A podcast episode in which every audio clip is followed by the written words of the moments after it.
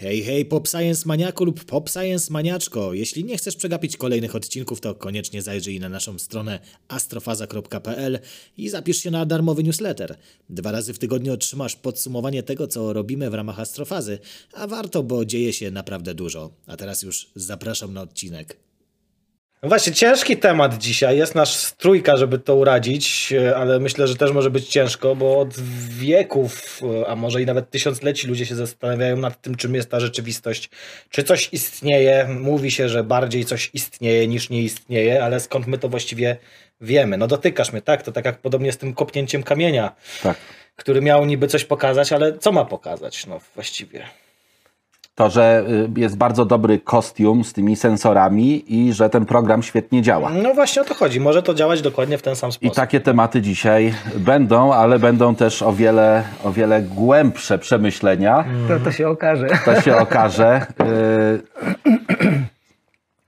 Marcin Przybyłek To ja. jest, jest z nami, y, pisarz, lekarz. Przede wszystkim chyba lekarz, tak? No bo ty skończyłeś studia medyczne z tego Skończyłem studia medyczne i skończyłem staż, czyli to jest 6 lat, 6 lat i siódmy rok stażu, dzięki, dzięki czemu otrzymałem prawo do samodzielnego uprawiania zawodu. Ale nie uprawiasz go. Nie, nie uprawiam go od bardzo, bardzo dawna. Tak dawno, że już zapomniałem, że go nie uprawiam. Ale jakby przyszło do zrobienia zastrzyku, to byś zrobił. Kochany, ja zastrzyki to uwielbiam. Chcesz, żebym cię zrobił domięśniowy, dożylny i tak dalej. Ja się w tym szkoliłem jeszcze na, na zerowej praktyce, także wiesz. Widzisz, załatwiłeś sobie. To, E, Panie Bras, e, proszę zawołać ci A nie, nie, dobra. Bierzesz pośladek, dzielisz go na cztery, tak robisz na nim znak krzyża i celujesz w zewnętrzną, zewnętrzną górną ćwiartkę i najlepiej opowiedzieć jakiś, znaczy za, za, zapytać pacjenta, czy tam klienta, co tam u niego słychać i tak dalej, w ogóle go nie uprzedzać. Strzelasz i on y, ma prawo nie poczuć tego, że go strzeliłeś tą, tą igłą. Później w samo, w samo wciskanie. No tak, to już jest- to już jest ten- ten- ten Są takie płyn. substancje, które bardzo bolą, prawda? I wtedy trzeba, trzeba naprawdę powoli, powoli, powoli wciskać. na A jakbyś wycelował w lewy dolny, w lewą dolną światkę? Jest y, ryzyko, że trafisz w duże naczynie albo w nerw, y, dlatego się wybiera tę y, Mhm. Okej. zewnętrzną, górną, żeby z- zniwelować to ryzyko. No I dobra, teraz- to ja tak gładko przejdę, od tej, e, że tak powiem, pupy strony. E, No właśnie, tutaj jakby wybieramy, że, że to jest jakaś, jakiś konkret. Mamy coś konkretnego, mamy wiedzę, że tam się znajdują takie rzeczy i tam są naczynia, tutaj nie ma tych naczyń. A co my możemy wiedzieć o naturze wszechświata, o naturze rzeczywistości, o tej samej podszewce tak naprawdę, która tworzy to, co wszystko dookoła nas. Nie? No właśnie, no jesteśmy, jesteśmy tym pośladkiem, mamy ten pośladek, Mamy. czujemy go, ale, ale tak naprawdę Ale poczekaj, Nigdy, nigdy nie byliśmy na zewnątrz, żeby go zobaczyć, nie? Nigdy nie wyszedłeś z tej kopułki tutaj. No bo wszedłeś bardzo głęboko już, e, że się tak wyrażę, w, e, w pośladek i, i, to, i to jest pułapka, prawda? Bo Mhm. mamy tutaj kilka rzeczy powiązanych ze sobą. Ja bym e, wyszedł od strony mniej osobistej. Wyszedł z pośladka. Czyli, czyli tej, tej prze- przedpośladkowej, prawda? I się zastanowił nad. Bo po, pośladek zawiera w sobie pewien straszliwy mankament, mianowicie on jest bardzo osobisty. Tak, trudno, trudno się z nim rozstać, prawda? On jest e, nasz, częścią naszego ciała, mówimy o zastrzyku, czyli mówimy o doznaniu bólowym, czyli już sami wpakowaliśmy się tutaj w, w pułapkę bardzo wielu powiązań, tak? Abym wyszedł z tego pośladka i skupił się na czymś dużo bardziej neutralnym, na przykład tutaj mamy piękny e, kubek astrofazy Tak. E, i Zacząłbym od tego, bo jak zaczniemy od pośladka, to... To już zostaniemy w pośladku. To, się, to, to zostaniemy w pośladku. Będzie- Będzie z tym straszny problem. E, Więc za, zacząłbym od, od, od kubka i od jego struktury wewnętrznej, Mhm. prawda? Tutaj mamy y, mistrza od y, atomów i cząstek sub, subatomowych, więc y, gdybyśmy zajrzeli tutaj w strukturę tej te, ceramiki czy czegoś, to byśmy zbliżyli e, nasze oko, to zobaczylibyśmy cząsteczki, prawda? Później Tak. wniknęlibyśmy głębiej, zobaczylibyśmy, zobaczylibyśmy, że te cząsteczki składają się z atomów. Później jeszcze głębiej zobaczylibyśmy, że na tak zwanej orbicie atomu znajduje się coś, co, co, co, co nazywamy elektronem, czego subcząstek już nie, nie znamy. W środku mamy neutrony i protony, prawda, które składają się z kwarków górnych i, i dolnych. I znowu jak sięgamy głębiej w te kwarki, to już niczego więcej nie możemy znaleźć. Prawda? warto tutaj dodać, e, żeby ten obraz był e, trochę, trochę pełniejszy, że w takiej, takiej właśnie pobieżnie rysowanej strukturze atomu tak naprawdę większość objętości zajmuje nic. Tak. Bo y, jądro, jądro atomowe jest, jest bardzo zwarte, y, a elektrony, jeśli potraktujemy je tak borowsko, że one są kulkami na orbitach, aczkolwiek za chwilę dojdziemy do tego, że, że, że tak naprawdę to wygląda zupełnie inaczej, z- nad czym ubolewał Feynman, że ludzie cały czas myślą, że to są kulki, to pomiędzy tym jądrem a tą kulką jest, jest potężna przestrzeń i to porównanie, które tutaj już kiedyś mówiliśmy o nim, jeżeli to jądro jest wielkości tego paznokcia, to ten elektron y, w takim najprostszym rozumowaniu krąży 10 metrów stąd, czyli wokół tego budynku, który, w którym jest studio. A pomiędzy w sensie takim y, bardzo, bardzo uproszczonym nie ma nic, chociaż tak naprawdę to jest cały wszechświat, tak? Jeśli zaczniemy to rozpatrywać y, jakoś bardziej szczegółowo. To No, zależy, ale- jakie energie tutaj weźmiemy pod uwagę. I to zależy, co uznamy też za rzeczywistość. No bo nie wiem, cząstki wirtualne, które teoretycznie się No postuluje, właśnie. Tak naprawdę, gdyby wejść głębiej, one nie istnieją. ale one są pojawem y, energii, które na bardzo wysokich poziomach są reprezentowane przez kwanty, które y, zgodnie z tym, czego nas właśnie Feynman i Dirac y, nauczyli, one rozpadają, czy jako, niejako są tworzywem dla kreowania tak zwanych wirtualnych cząstek, aczkolwiek te cząstki w momencie, gdy się pojawiają, one są rzeczywiste. My je tylko nazywamy wirtualnymi, ale one natychmiast jakby znikają, tak? Chyba, Wchodzą w interakcję. Chyba, że są w pobliżu horyzontu zdarzeń. No to- dziury no to i wtedy tak. Oj, nie, To jest właśnie złe uproszczenie, które wprowadził de facto sam Hawking, ale zrobił złą popularyzację, bo to właśnie tak nie działa. To jest, to jest, to jest coś, co się często magluje i mówi o Tak. tych cząstkach wirtualnych jako o czymś, co pojawia się znikąd, a potem anihiluje ze sobą i znowu w nicość się zapada, podczas gdy to są pewne potencjały y, tych kwantowych właśnie mm, własności i one wcale niekoniecznie się pojawiają, a tutaj są kwestie fal po prostu. Nie? To nawet nie jest kwestia fizycznych cząstek, które- z której jedna zostaje na zewnątrz, a druga wpada pod horyzont zdarzeń, bo to jest tak mocne uproszczenie, że wręcz zakłamuje tak naprawdę Tak, rzeczywistość. samo pojęcie cząstki jest strasznie mylące. Ja z nim walczę od e, wielu lat, e, sam ze sobą tak naprawdę, bo e, ono wprowadza w błąd. Ja zawsze jak słyszę pojęcie cząstka, to sobie wyobrażam ziarnko piasku. Wiadomo, że ziarnko kulkę. piasku jest dużo, dużo większe od, od, od cząstki, ale zawsze to pojęcie mm, zakłada materialność tych najmniejszych kwantów rzeczywistości, podczas kiedy one, do czego mam nadzieję dzisiaj dojdziemy i nie tylko do tego, one nie są materialne. Tak jak e, pisze e, Barbour, tak jak pisze Green, tak jak pisze, nie wiem czy Hawking akurat o tym pis- pisał, jeśli zajrzymy w głąb rzeczywistości, to stwierdzimy, że ona jest e, absolutnie niematerialna. Absolutnie niematerialna. No i idźmy tutaj głębiej te, w te nasze e, kwarki, włony, zetony, czyli e, cząstki oddziaływania. Bozony W, bozony Z. Ja wolę taką nomenklaturę, bo te, te A, włony i zetony to tak dziwnie brzmi. A ja wolę Jak włony, żetony. zetony. E, No, znaczy one są, wiesz, jeśli chodzi o nomenklaturę, to e, kwarki dzielą się na rodziny, te rodziny energetyczne, te normalne, które tworzą nukleony w, w jądrze, czyli kwarki górne, Górne i i dolne, ale są też kwarki dziwne, Dziwne, powabne. powabne i to jest ok, ale te, ta ostatnia rodzina to są kwarki T i B, Wysokie i niskie. Y, tak, wysokie true i bottom, na, y, przepraszam, top i bottom, natomiast pierwotna nomenklatura była, była jako true i beauty, Tak. Że były prawdziwe i piękne. Ja cały czas mówię, dlaczego upierają się teraz fizycy nad tymi znowu górnymi i dolnymi, czyli takimi szczytowymi.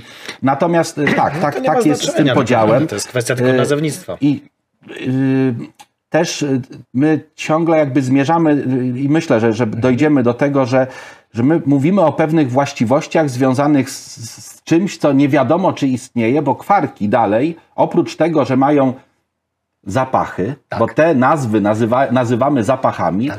mają jeszcze kolory. Tak. Co jest zupełnie abstrakcyjne, bo y, to nie są kolory w sensie takim, jaki my postrzegamy. To nie jest niebieski, niebieski, zielony i czerwony, tak jak, jak ta ściana jest taka no, lekko czerwona, tylko są to cechy, które tak zostały nazwane, bo chronodynamika kwantowa to jest bardzo ładna nazwa, tak? taka bardzo sympatyczna. Te kwarki występują też jako antykwarki. Więc tak naprawdę z kilku robi się cała duża grupa potencja, ale nie ciał, nie obiektów, tylko możliwości, które występują i te możliwości tworzą bardziej takie y, większe konglomeraty możliwości, którymi są te cząstki, które nazywamy już rzeczywistymi. Ale właśnie ja, ja, ja czuję, do czego zmierzasz, że, że rzeczywistość składa się z nierzeczywistości. No tak, i tak i nie, no bo e, zajrzyjmy głębiej, prawda? Bo mm, e, moim zdaniem pewnym takim mm, paradygmatem, który jest błędny, jest to, że kiedy zadajemy sobie pytanie o naturę rzeczywistości, to zadajemy pytanie, z czego to jest zbudowane. I e, w ten sposób możemy powiedzieć, że ten dom zbudowany jest z cegieł, cegieły zbudowane są z cząsteczek, cząsteczki z atomów, atomy z cząstek subatomowych, a czego się, z czego się składają już te kwarki nieszczęsne i, i te elektrony, prawda? Bo można w uproszczeniu powiedzieć, że atomy to są kwarki i, i elektrony, prawda? już z niczego na, na dzisiejszy stan wiedzy się nie składają. Czyli jesteśmy w kropce i stanęliśmy w miejscu. Ja pewnego pięknego dnia zapytałem swoją żonę, słuchaj Ania, e, co jest dalej, prawda? Moja żona jest psychologiem, nie, nie, nie jest fizykiem, nie jest lekarzem, e, ale ma czasami fajne wglądy. Co jest dalej, jeśli już doszliśmy do końca? Ona mówi, przecież te cząstki mają swoje właściwości. Ja stwierdziłem, że rzeczywiście to jest genialna konstatacja. Te cząstki mają swoje, swoje właściwości. I te właściwości to jest spin, izospin. y, Nie wiem, co to jest izo- izospin w tej chwili, ale wiem, że coś takiego jest. To jest e, masa, która wcale nie jest tym, czym się wydaje bardzo często. To są właśnie te kolory, o których, o których wspominałeś No, ładunek elektryczny jest, Ładunek jest elektryczny. czymś, co my też nie wiemy, czym jest ładunek elektryczny. Piszemy sobie plusik i minusik Tak. i wydaje się, że to już jest No, bo jasne. to, to są jakby, to jest nasze, nasze doświadczenie z makroskopowej skali, ale jeżeli będziemy, no doświadczenie Milikana pokazało nam, jaki jest y, minimalny ładunek, potem okazało się, że są cząstki złożone i kwarki mają minimalny ładunek, ale ułamkowy jeszcze, tak, jeszcze podzielony, natomiast i, i fajnie, możemy to sobie policzyć na palcach, ale czym jest ta właściwość? Dlaczego? Jak, dlaczego ona występuje? Właśnie. Moim zdaniem, tutaj absolutnie nie trzeba się ze mną zgadzać. To są, ja nie jestem naukowcem tak jak Leszek, prawda? Ja jestem tylko wizjonerem, tak piszę książki. Em, właściwości to jest właśnie to, z czego skonstruowana jest rzeczywistość. Przy czym o, oczywiście właściwość nie jest e, niczym już rzeczywistym w żadnym tego słowa e, znaczeniu. I em, mogłoby to się wydawać bardzo dziwnie, gdyby nie eksperyment. Ja mam nadzieję, na, ma- mam nadzieję, że ty Leszek wyjaśnisz, na czym polegał ten eksperyment, bo ja czytałem o nim nawet dzisiaj rano i ciągle go nie rozumiem. Ten eksperyment e, opisujący kota z Cheshire, tak? czyli ten egze- eksperyment, w którym udowodniono, że można oddzielić spin od cząstki. Czyli cząstka jest gdzie indziej, cząstka w, ujęta w cudzysłów, a spin jest gdzie indziej. Co zupełnie rozbija nam e, ten, e, to wyobrażenie, że ten nieszczęsny elektron to jest, e, to jest taki właśnie kubeczek, który się kręcąc ma Dokładnie. swój spin, prawda? Więc okazuje się, że to tak nie jest, że można oddzielić, że jakim cudem spin może być gdzie indziej, a cząstka może być gdzie indziej. No, tu też trzeba sięgnąć do to, pól. y, jest to tak, jest to pewna, no właśnie, bo to, bo to jest właściwość. Spin, bo my też często popełniamy y, błąd, y, wyobrażając sobie właściwość jako pewną cechę, którą przenosimy ze świata makro do świata mikro. Spin wcale nie jest y, y, związany z tym, że ten elektron czy ten proton się obraca. Spin to jest ta właściwość skwantowana, która, która też może być przekazywana, która, która się zmienia od tak na pstryknięcie. Elektron ma jeden spin i za chwilę ma drugi. Oczywiście wiąże się z tym wymiana energii. Tutaj z, z takiego mojego, tego bardzo, bardzo y, nisko już położonego punktu widzenia, najważniejszą, ja to też studentom często powtarzam i, i zawsze, gdziekolwiek jestem, że najważniejszym prawem fizyki, najważniejszą jakby taką, tym, co, co wymyślono w fizyce, jest prawo zachowania energii. No i zadaję pytanie, czym jest energia w takim Właśnie. razie? No, czekałem na to No, no, na no, no, i, no i proszę, y, co, co, co, na to, co na to odpowiesz, czym jest energia? No właśnie, ja nie mam pojęcia. Nie mam pojęcia, bo e, e, jestem zdumiony tym, jak, e, jak bardzo ogranicza nas język. Język powoduje, że jeśli e, zaczynamy mówić o, mam nadzieję, że do tego dojdziemy, o pe, pewnej istni, gdzie istnieją pewne potencjalności, gdzie istnieją pewne rzeczy, które, mm, e, które nie są rzeczami, e, to pytamy gdzie, pytamy kiedy. Dlatego, że wychowaliśmy się w przestrzeni i w czasie. A jak mm, wyjaśnić, jak spróbować wyobrazić sobie w ogóle rzeczywistość, w której nie ma przestrzeni, której przestrzeń jest tylko, e, jest tylko, jakby to powiedzieć, pojęciem, e, gdzie czas jest tylko pojęciem, gdzie wszystko jest abstrakcyjne, a gdzie moim zdaniem, tak sobie dzisiaj to wyobrażam, cała rzeczywistość bazuje na właśnie takim abstrakcyjnym bytowaniu, właśnie mm, że nie ma tej przestrzeni newtonowskiej, że nie ma tego czasu newtonowskiego, prawda? I w tym ujęciu pojęcie przestrzeń, tak jak mówiłeś, że wewnątrz atomu jest dużo niczego, prawda? Ta przestrzeń, którą sobie wyobrażamy, wyobrażamy sobie, ją, może, może jak to, to też, bo jestem przekonany, że już o tym mówiliście na łamach astrofazy, o, o przestrzeni newtonowskiej, prawda? E, Warto było o tym powiedzieć, że, że e, w takim powszechnym mniemaniu planety, atomy i wszystko, co istnieje, zawieszone jest w przestrzeni, którą można sobie wyobrazić tak, że mamy oś e, wysokości, oś, oś głębokości, oś długości i to wszystko jest gdzieś tam zawieszone. Gdyby założyć istnienie takiej przestrzeni, to nasz wszechświat również wisiałby w przestrzeni, czyli można by było go zobaczyć z zewnątrz. Tak? Tymczasem wiemy, że tak nie jest. Ale my sobie ułatwiamy to, Mhm. wymyślając y, multiversum, po to, żeby, żeby No. nasze mózgi y, jakby mogły pracować. Bo teraz, bo teraz Mhm. popatrz, ja, ja powiem o czymś innym, co mnie kiedyś dawno temu zafascynowało. Jakby też te tematy y, przestały być mi obce i też Mhm. zacząłem się nad tym zastanawiać, bo y, koncepcja powstania naszego wszechświata Mhm. związana jest z tym, że na początku był ten no, wielki wybuch. Dzisiaj nie stosuje się już w zasadzie tej, tej nomenklatury, ale ten wszechświat powstał z zaburzenia czasoprzestrzeni, z jakiegoś takiego w, w, w tych rozmiarach planka, tych, które fizycznie, jakby matematycznie są opisywane jako te najmniejsze rzeczy, które możemy ująć w jakieś prawa fizyczne, że tam na tym poziomie doszło do jakiegoś rozchwiania pewnych elementów tej piany czasoprzestrzennej, jakkolwiek by to zwał, tak Wheelerowsko, bardzo fajnie zresztą to, to działa na wyobraźnię, ten, ten mikroświat na poziomie Plancka, który składa się z szybko zmiennych czarnych dziur i wormholi.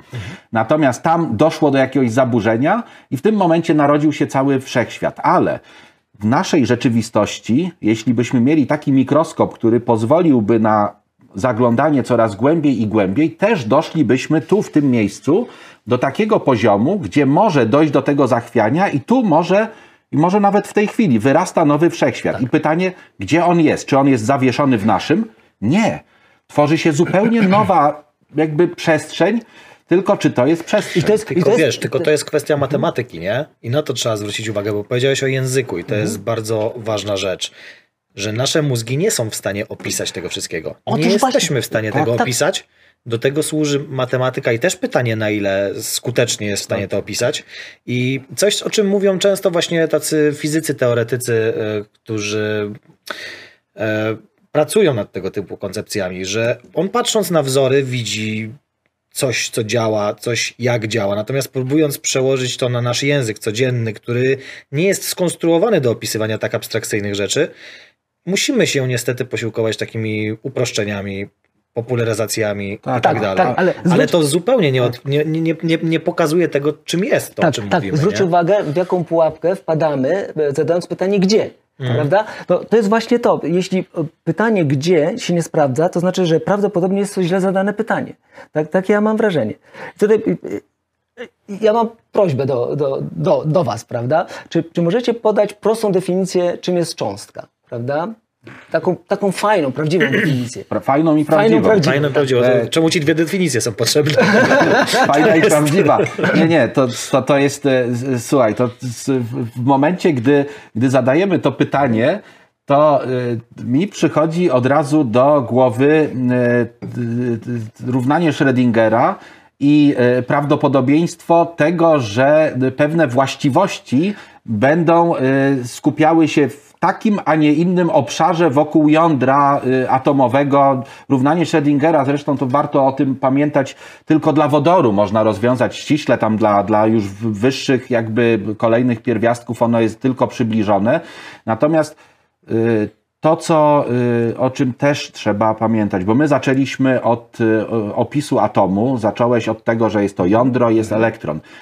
Y, Mi, mi podoba się to, że chemicy, oni nie wchodzą w tego typu dywagacje, oni od razu mówią o powłokach. I to już przestawia sposób myślenia. Natomiast fizycy, którzy tłumaczą dzieciom, mówią, no bo układ planetarny jest taki bardzo taki solid, taki, że, że można sobie wyobrazić i, i Kopernik pokazał, narysował.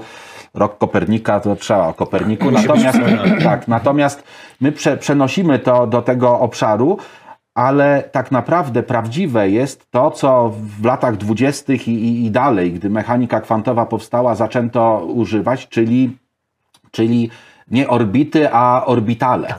Y, Czyli te, tak naprawdę elektron to nie jest kulka, tylko to jest pewien obszar i to jeszcze obszar, w którym prawdopodobieństwo jest największe, co nie oznacza, że ten elektron nie może być na drugim końcu znanego nam wszechświata. Tak. Czyli Niezdrowa cząstka jest, jest. cząstka jest dziwnym takim matematycznym tworem. Tak jest, matematycznym tworem, prawda? Czyli jak ja to sobie wy- wynotowałem, e, falą prawdopodobieństwa. Jest to w miarę dobre określenie, prawda? Manifestacja równania Sch- Schrödingera. tak, dokładnie prawda? tak. Znaczy nie, bo w drugą stronę, może inaczej, równanie Schrödingera było później. tak. To równanie Schrödingera jakby otworzyło nam oczy na to, czym może być ta cząstka, aczkolwiek jaką masz gwarancję, że równanie Schrödingera jest y, mm, tym y, matematycznym konstruktem, które w sposób rzeczywisty opisuje. To jest, to jest dokładnie tak, jak y, z grawitacją. Newton podał nam y, prawo powszechnego ciążenia, które, jest, y, które jest bardzo szczególnym przypadkiem. Tak, tak. Ogólna teoria grawitacji Einsteina niby była ogólna, bo uwzględniała też relatywistyczne efekty, ale dzisiaj się okazuje, że ona nie uwzględnia wszystkiego, że jeszcze bardziej ogólnej teorii grawitacji poszukujemy. Tak samo jest z mechaniką kwantową, gdy idziemy w głąb. My ciągle szukamy, mimo że te mechanizmy się sprawdzają, to my mamy coraz dokładniejsze, coraz wspanialsze metody y, doświadczalne, które pokazują, że chyba jednak czegoś tam brak. Chyba jednak nie do końca to to, do w końca taki opisane. sposób tak działa, jak e, pokazują to równania. Szukamy cały czas kolejnych e, y, coraz ogólniejszych metod matematycznych, które są w stanie to ująć. Tak, tak czy owak, do, doszliśmy w tym momencie do tego momentu, w którym zgadzamy się, że, że mam nadzieję, że zgadzamy się, że, że cząstki, niech będą fotony, tak, to prostsze troszeczkę, albo elektrony, tak, już zostawmy te atomy, tak, e, Mhm. e, elektrony, że to są dziwne byty, na pewno niematerialne, e, cokolwiek to słowo by oznaczało, prawda? co to znaczy co materia? to Od znaczyło materia? No, mi się kojarzy materia z dotykiem. Dotykam tego stołu, on mówi, on jest rzeczywiście... No to dlatego, że go nie możesz dotknąć. Nie? Właśnie. To, jest, to jest ta inna sprawa.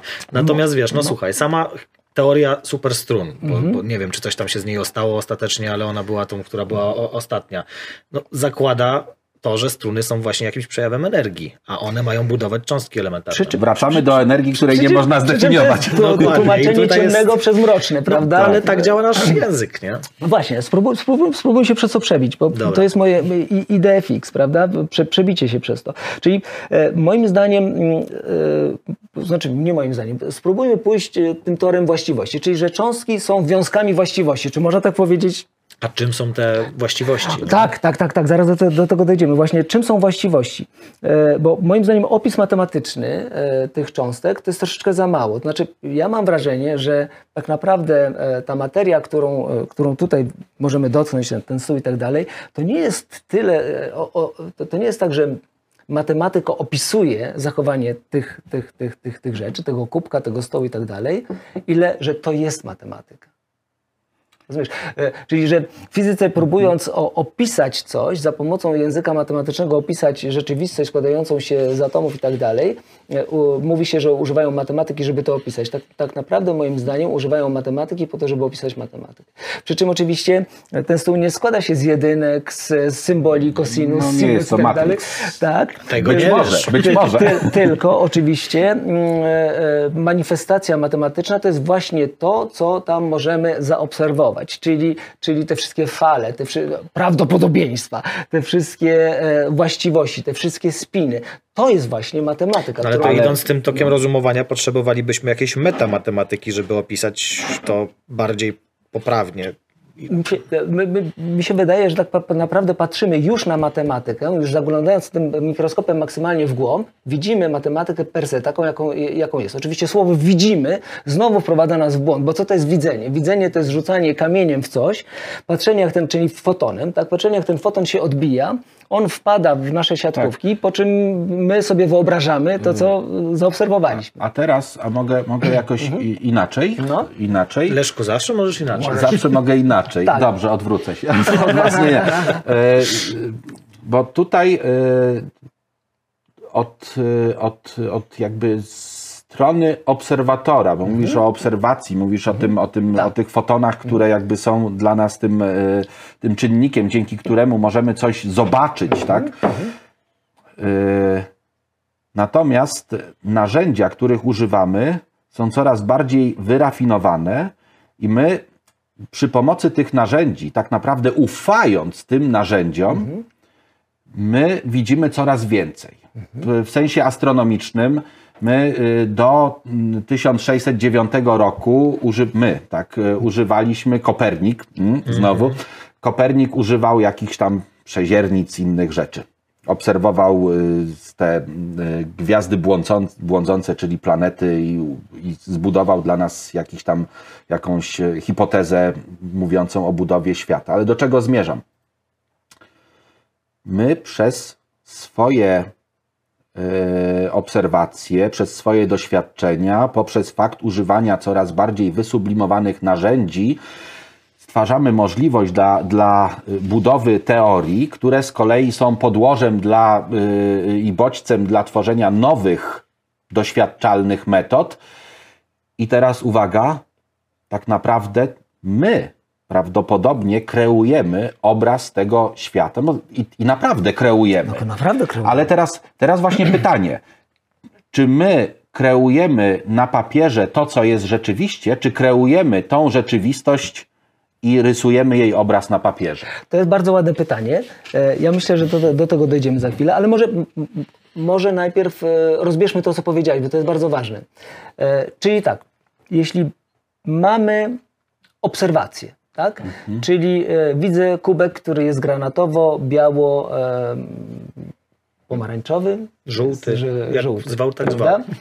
To jak przebiega ten proces, tak? To mamy lampę, od której, od, która wysyła fotony, czymkolwiek są te fotony, tak? Bo to jeszcze mm, nie wiemy. E, Te fotony odbijają się, czymkolwiek jest to odbicie, prawda? Bo przecież foton nie jest piłeczką, która ma swoją sprężystość, prawda? Więc ja- jak przebiega sam proces odbicia się od, od, od e, Jakieś tam struktury tego? koncepcje tego mamy. Można to rozebrać, ale to zostawmy to na Zostawmy. razie. To no. wpada poprzez rogówkę, poprzez soczewkę do, naszego, do naszej si- siatkówki, tak? czyli do tej błony światłoczułej wyścielającej o- oczy. Tam są czopki tak? i pręciki. I co? Czopek jest istotą bezmyślną. Czopek nie, nie ma swojej świadomości, więc czopek nie, nie, nie wie, że wpadła fala o długości takiej, e, właśnie takiej, prawda? Że, czyli dosyć krótka fala do, do, do, do, do, tych, mm, do, do naszego oka, tylko reaguje akurat czopek, który, który reaguje tylko wtedy, kiedy uderzy w niego fala o, o, o tej mm, dosyć krótkiej mm, długości i on nie umie nic innego zrobić, tylko robi, robi coś w rodzaju takiego brr, tak? Nic więcej nie potrafi zrobić, bo on jest głupi. I ta informacja, to brr, jest przekazywana do nerwu wzrokowego. Y, Fajnie, fajne jest to, że każdy czopek jest unerwiony przez jeden nerw, w przeciwieństwie do pręcików, bo one są unerwione, to, to jest grupa około 100 pręcików, to są unerwiona przez, przez, przez jeden nerw. I idzie informacja. Co to jest ta informacja? Informacja to jest y, też nic nadzwyczajnego. Potencjał elektryczny. To jest pyk, to jest po prostu bip, to jest e, coś, co idzie do naszego o- obszaru wzrokowego, tutaj zlokalizowanego w naszej mm, potylicy. I nerw, który to przekazuje, właśnie, czyli to, to co powiedziałeś, ten potencjał elektryczny, to, to tak naprawdę to jest polaryzacja, No, depolaryzacja. W oku, w oku działa, tutaj żeby, żeby to uściślić, Mhm. działa dokładnie to, co opisał później matematycznie, od zawsze działa, tak, Mhm. od początku ewolucji, ale opisał to matematycznie Albert Einstein, Mhm. zjawisko fotoelektryczne, czyli Tak. ten foton powoduje, że tam elektrony, elektrony się uwalniają, grupa elektronów e, tworzy właśnie ładunek troszeczkę większy, elektryczny, czymkolwiek ładunek jest, tworzy się potencjał. To już potrafimy opisywać i, do, i dobrze nad tym panować, nad czymś, nad czym nasz organizm panuje. Tak. Tak. I E, Powiedz mi tylko jedną rzecz, bo ja to zawsze, zawsze mnie to y, mogę tak trochę taką małą dygresję, Prywatę bo jako, ja taką prywatę tutaj sobie zrobię. E, Ile łącznie jest w oku?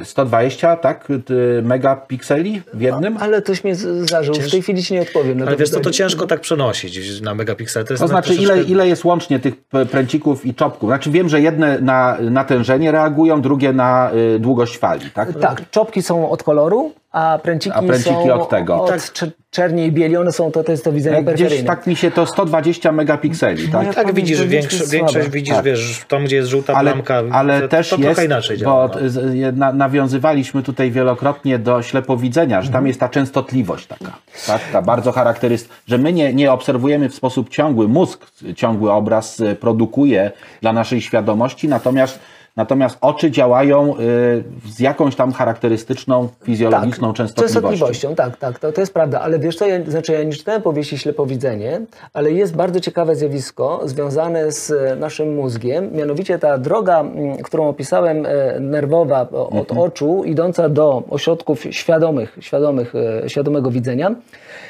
nie jest autostradą bez przystanków. Jest przystanek we wzgórzu. Czyli jest tutaj przełączenie, jest tutaj synapsa. Dlaczego w ten sposób? Bo tam jest nasz stary mózg. E, My mamy trzy, e, trzy rodzaje mózgów, powiedzmy sobie. Mózg bardzo stary, czyli mózg gadzi, tak zwany. Na nim jest owinięty mózg paleossaków. Y, To wcale nie oznacza, że ten, że reptylianie istnieją. I, i, Nie zdradzaj. i, I na tym jest owinięty mózg neossaków, czyli koranowa, czyli subst- ta substancja szara. I te ośrodki, te ośrodki są świadomościowe. A całe to, co działa cały czas, to już jest nieświadome. I tutaj się mieści, tutaj się mieści ten przystanek, czyli nasze wzgórze.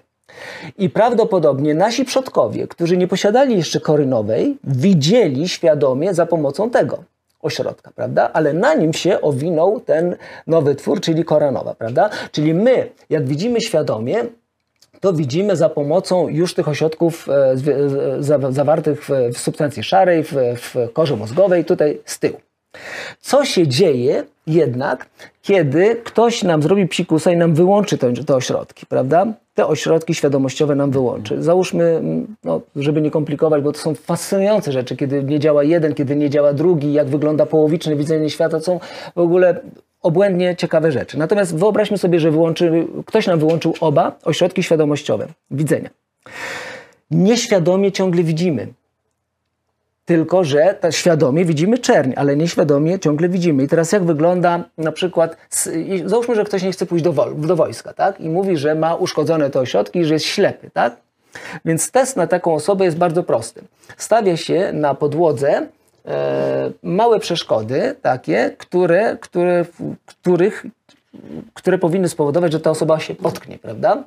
I ta osoba, która e, symuluje tę, tę ślepotę związaną z uszkodzeniem tych świadomościowych ośrodków widzenia, która widzi świadomie czerń, e, myśli, że ładnie zasymuluje tę e, przypadłość, kiedy się będzie potykała o te przeszkody. Prawda jest inna. Prawda jest taka, że osoba, która ma tę przypadłość, nieświadomie, widząc te przeszkody, nieświadomie je ominie. Ominie po prostu. Czyli będzie tak, tak stawiała nogi, że je ominie. Na tej samej zasadzie polega. e, Czyli widzę, ale nie jestem w stanie przetwarzać Tak. tego obrazu. Widzę, ale nieświadomie. Na tej samej zasadzie pokazywano e, osobom, które nie widzą połowicznie, bo mają uszkodzony jeden tylko, jedną tylko, jednopółkulowe jest tam e, uszkodzenie tego widzenia, czyli powiedzmy sobie, jeśli mam, uszkodzony ośrodek w lewej półkuli, to nie widzę prawej strony świata, tak? I załóżmy, że pokazywano komuś kieliszek, który był zbity po tej prawej stronie. Czyli ta osoba świadomie nie widziała tego zbicia. A pod spodem pokazywano identyczny kieliszek, który był cały. Były identyczne, tylko że jeden był, miał zbicie, a drugi nie miał tego zbicia.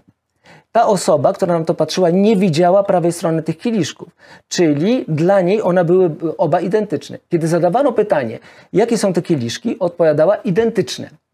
Następnie e, proszono, wybierz któryś z nich. Ta osoba odpowiadała, ale przecież one są identyczne. Dobrze, wybierz.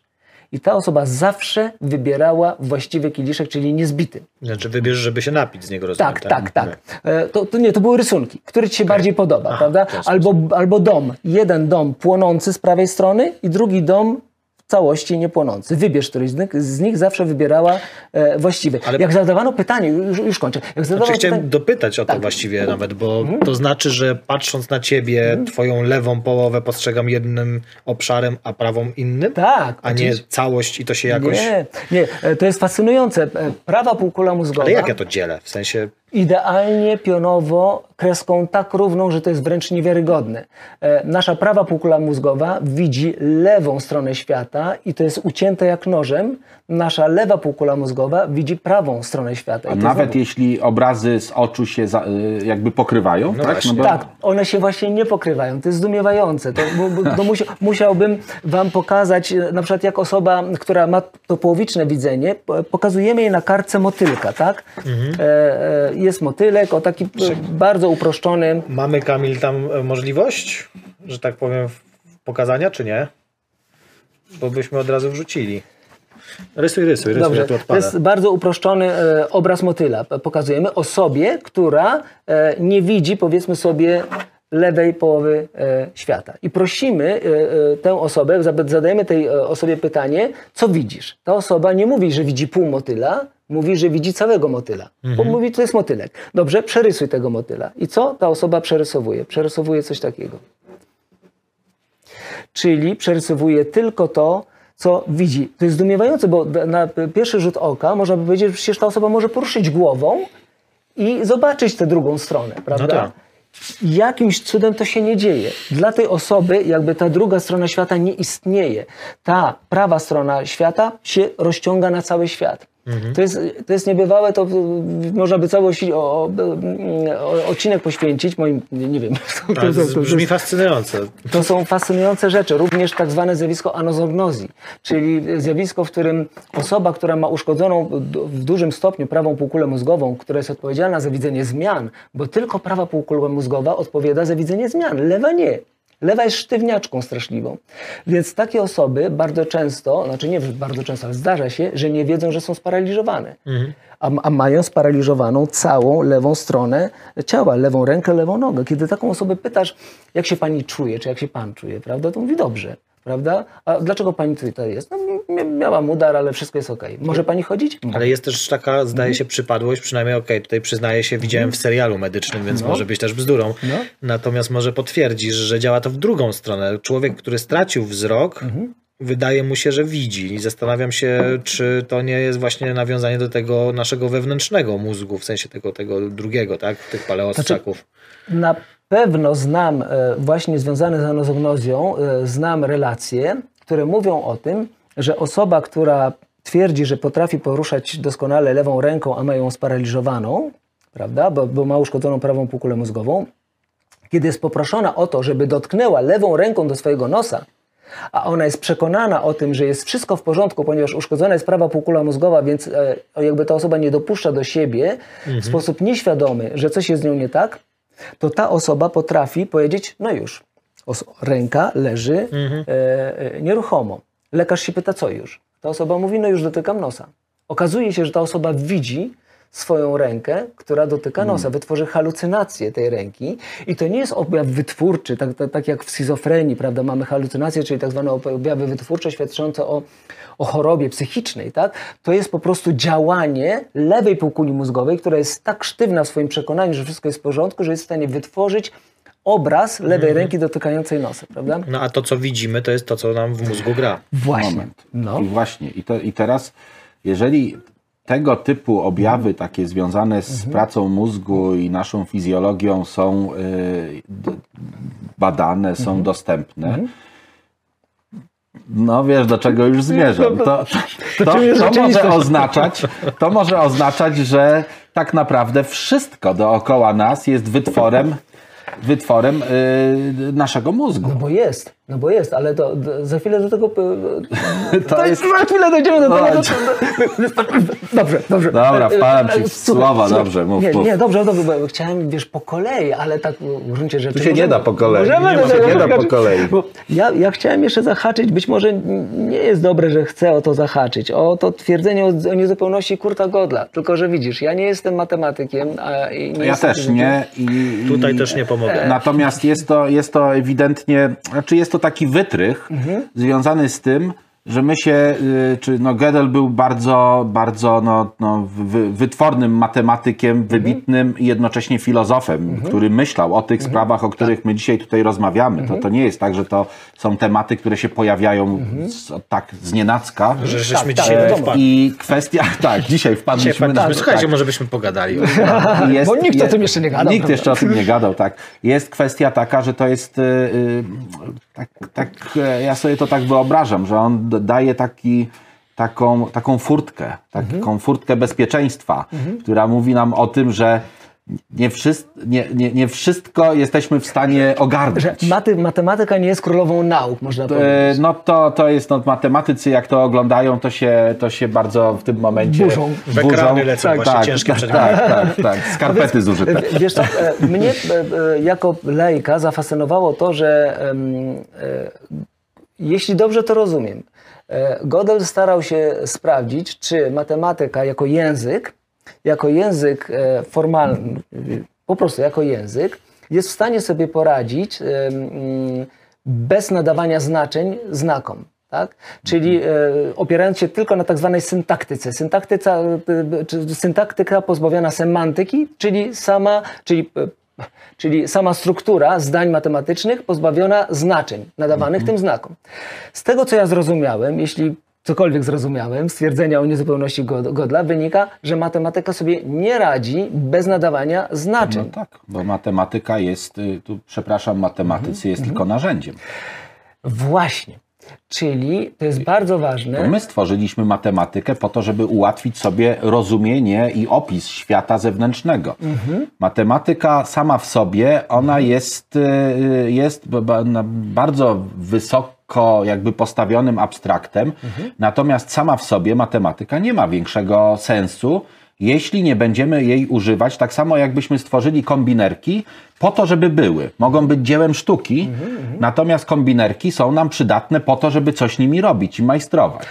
Tak, no więc I tworzymy kombinerki pod wymiar niejako. No więc, no więc y, ja, ja jadąc tutaj ułożyłem sobie takie przysłowie, że matematyka nie jest w stanie wyjaśnić samej siebie.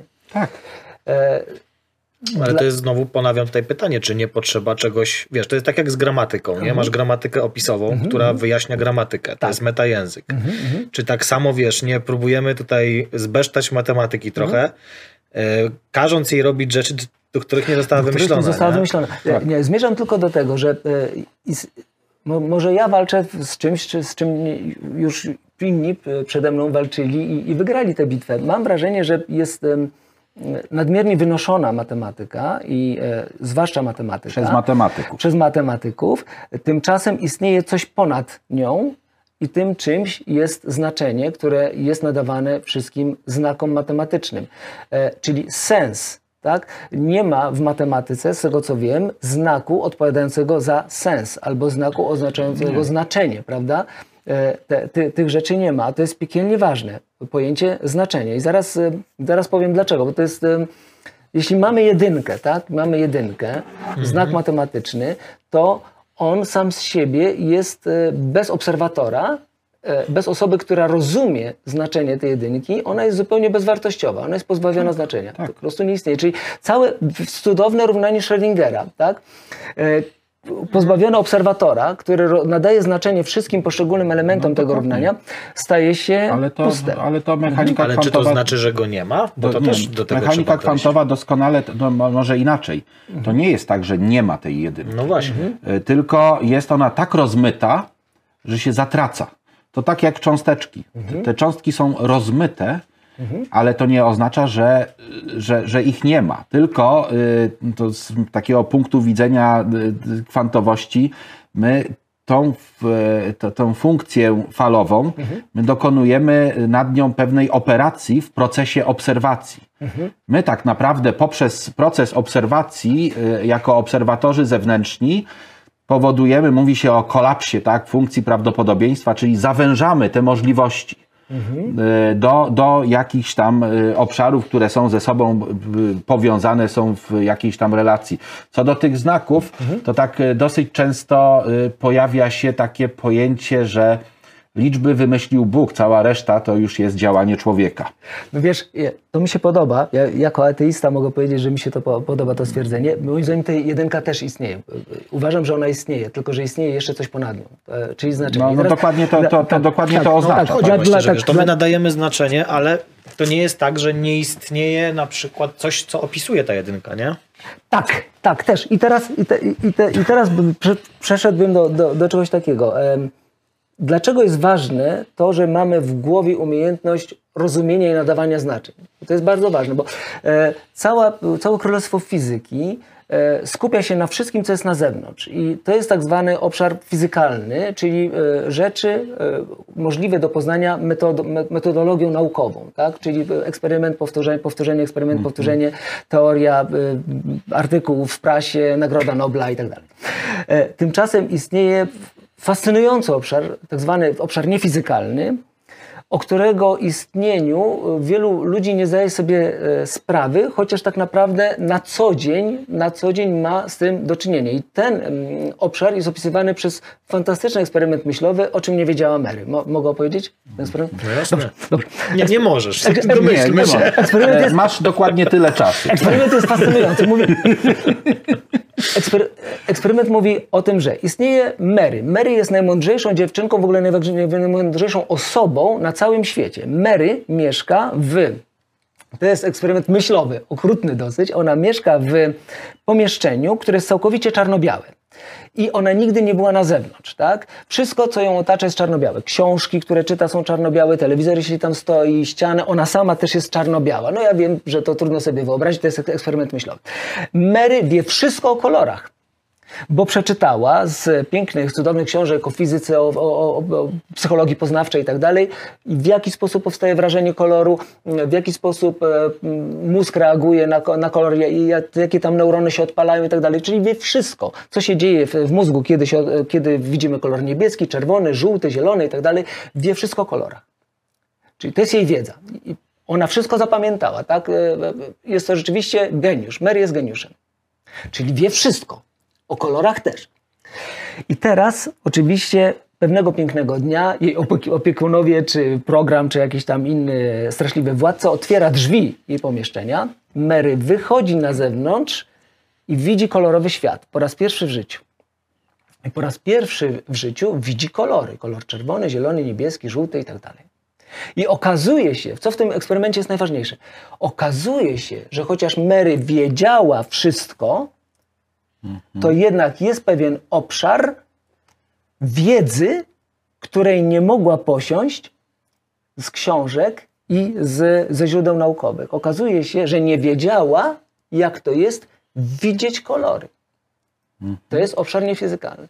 Czyli dopiero bezpośrednie, subiektywne doświadczenie zobaczenia koloru e, fioletowego, czerwonego, e, białego i tak dalej, no, bia- biały widziała, e, zielonego i tak dalej, powoduje, że ona powiększa swoją pulę wiedzy o pewien obszar i okazuje się, że to jest tak zwany obszar niefizykalny. My w dodatku nie możemy tego zweryfikować. My tylko patrzymy na Mary, która ocieka szczęściem, pierwszy raz widząc kolory. Zresztą bardzo polecam takie filmiki, które pokazują tych głównie mężczyzn, bo to oni mają kłopoty z widzeniem kolorów, którzy zakładają te specjalne okulary.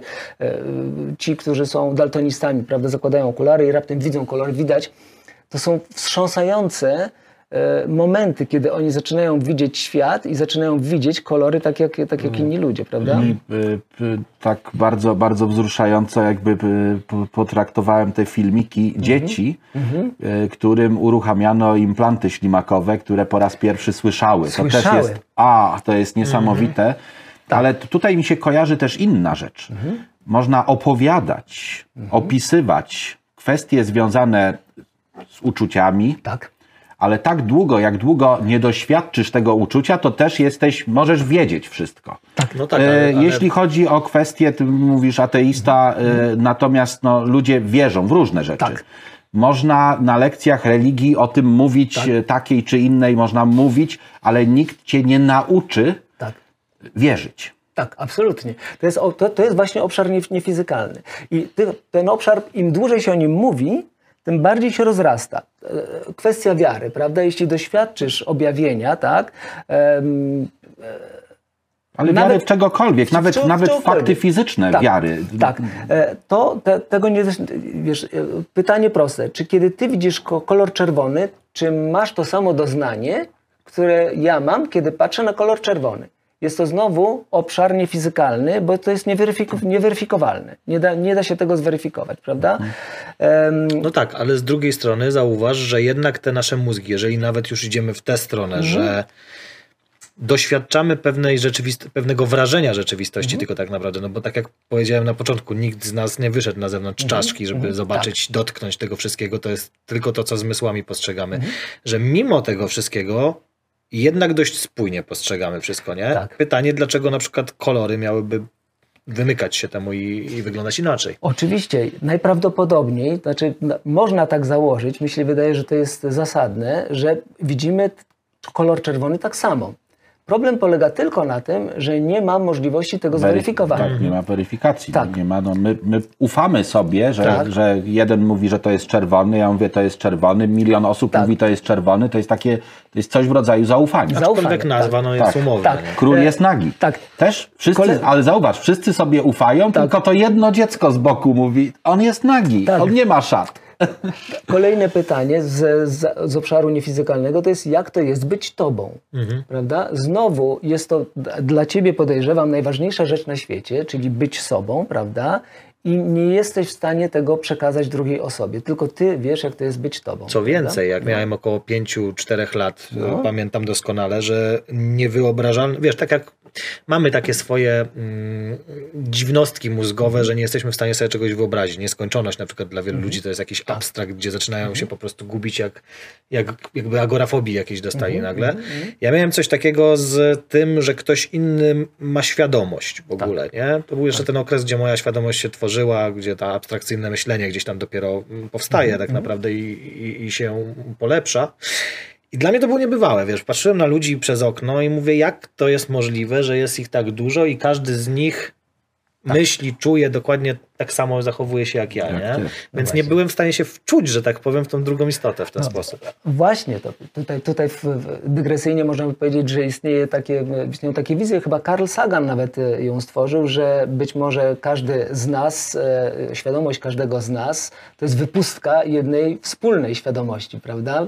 E, Penrose jakiś czas temu, kilka lat temu wrzucił fenomenalne przypuszczenie, że mózgi nie są wytworzycielami świadomości, ale odbiornikami świadomości. Tak jak telewizor, w którym oglądamy Netflix, nie wytwarza telewizji Netflix, on jest tylko odbiornikiem.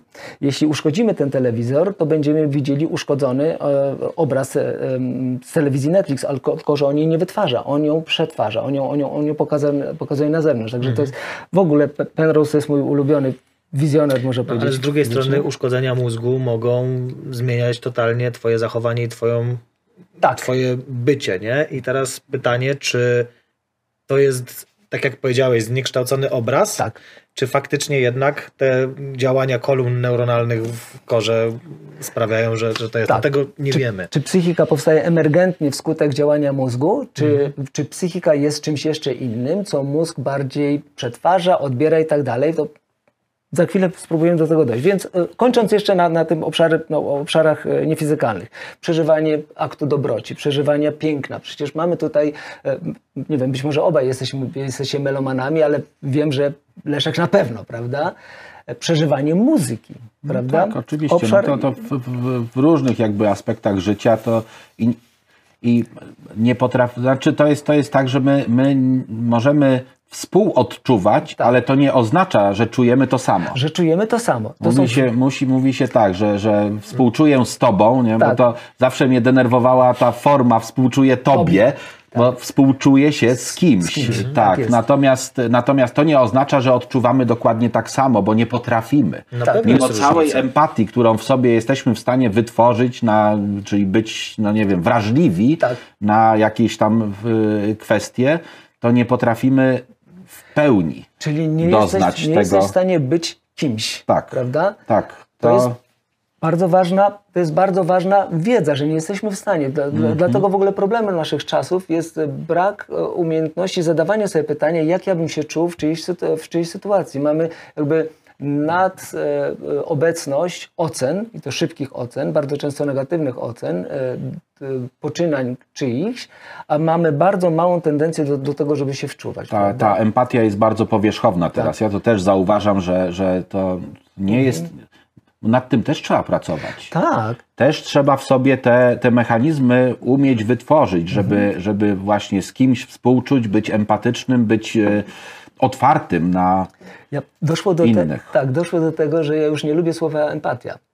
Dlatego, że bardzo często, y, jeśli mogę sobie pozwolić na taką dygresję, jest używane przez osoby, które wydają się nieempatyczne.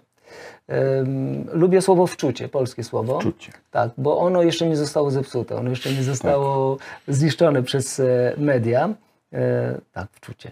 Dobrze, e, czyli e, wra- wracając do naszego, mm, do, do, do tego obszaru niefizykalnego. Mogę pójść dalej troszeczkę? Idź, Dobrze. idź się nie pytaj, no, w razie Wiesz czego tak, by jak, e, wyłączymy tak. światła. Więc e, jesteśmy, jesteśmy w tym obszarze niefizykalnym, bo to jest bardzo ważne. Czyli po, powiedzieliśmy sobie o obszarze fizykalnym, czyli obszarze e, atomów, cząstek sub- subatomowych, matematyki, która nas otacza, prawda? Załóżmy, że to jest matematyka. Ja ją nazywam matrixem, tak? Ob, obszarem, w którym zakładam wręcz, że przestrzeń i czas są pojęciami logicznymi, ale nie są pojęciami rzeczywistymi. Dlatego, że mi się to zupełnie nie spina, żeby przestrzeń rzeczywiście istniała, prawda? Raczej jest to mm, byt y, bardziej abstrakcyjny niż byt realny. Ja wiem, że trudno jest mi sobie, sobie wyobrazić, że, że przecież ten stół zawiera, z- e, jest w pewnej przestrzeni, więc jak, jak ta przestrzeń może być tylko logiczna, tylko, tylko, tylko abstrakcyjna? Ja myślę, że to jest jedyna właściwa odpowiedź. Brzmi w tej chwili jak szarlatan, ale to Nie, ale wymiarowość, to, to nie czarujmy się, wymiarowość jest, e, jest e, takim matematycznym opisem, e, próbą jakby wyjaśnienia tego, co postrzegają nasze zmysły i e, wprowadzenie tej, tej trójwymiarowości, tego właśnie tej matematyki, ono z, bardzo mocno wpłynęło z kolei na y, nasze jakby na nasze pojmowanie rzeczywistości. Czyli my najpierw jako, jako te, te istoty tam dawniej nie myśleliśmy o tym w ogóle. tym w ogóle, no. My myśleliśmy tylko o tym, co wpada do naszych oczu, oczu uszu, do naszych zmysłów y, i jak to, jak to przetworzyć, jak wykorzystać. A dopiero tę przestrzeń tak naprawdę zdefiniowano wtedy, gdy pojawiła się matematyka gdzieś tam na, nie wiem, na poziomie Grecji starożytnej, czy, czy, czy może jeszcze dawniej, kiedy zaczęto jakby sobie wyobrażać to wszystko. Potem pojawiły się dodatkowe, yy, dodatkowe wymiary, bo nasza fizyka nie radziła sobie już w tym takim zwykłym świecie, który widzą i czują nasze zmysły, więc wprowadzane były kolejne wymiary, które są już zupełnym abstraktem. Niektórzy próbują sobie to wyobrazić, ale my sobie nie jesteśmy w stanie wyobrazić większej wymiarowości. No. Może jakoś tam, my zawsze to zwężamy, my zawsze wyobrażając sobie zwijamy te No nie wymiary. jesteś w stanie sobie koloru wyobrazić, bo to znowu dotykamy tej, Tak. tej nieoczywistości. Natomiast wiesz, z drugiej strony mamy przecież wynikające z teorii względności Einsteina pewne cechy związane bezpośrednio z przestrzenią, które dają pewne konkretne obserwowalne efekty i wydaje się, że no nie mogłyby istnieć bez przestrzeni. bez nie? przestrzeni opisywanej matematycznie, która to matematyka jest nigdzie. Prawda? Przecież nie ma miejsca, w którym jest matematyk. Prawda? Czyli znowu jakby.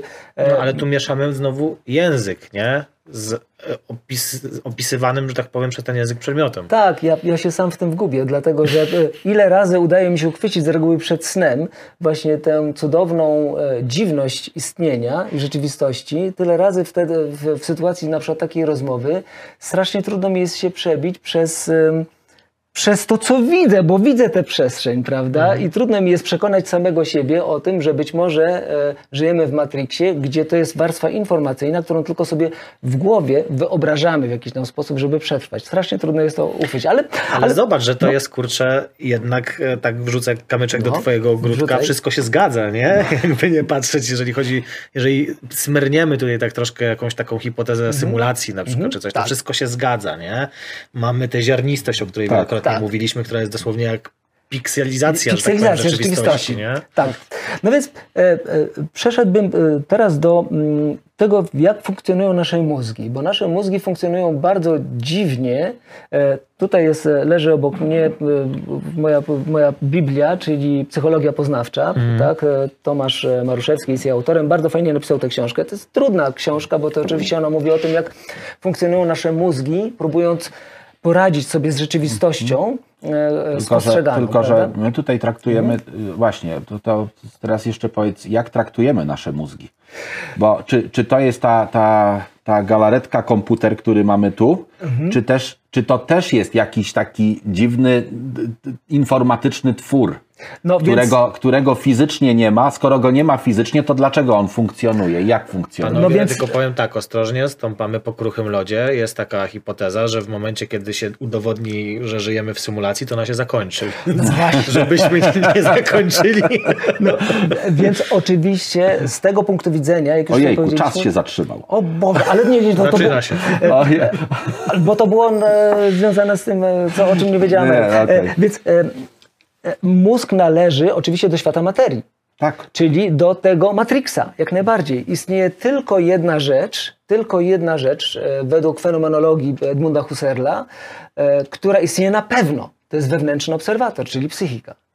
To istnieje na pewno, a cała reszta, łącznie z mózgiem, który być może No wytwarza właśnie. tę psychikę, a być Tak. może tylko z nią współgra, jest już problematyczna. I teraz, ale zostawmy jeszcze na chwilkę kwestię istnienia materialnego mózgu i przyjrzyjmy się temu, jak on funkcjonuje, bo on funkcjonuje bardzo dziwnie, właśnie e, pomijając e, obszar świadomości, w ogóle Albo, albo nawet nie, bo to jest też fajna e, dygresja. Jak jest konstruowana prawdopodobnie świadomość? To jest bardzo ciekawa sprawa.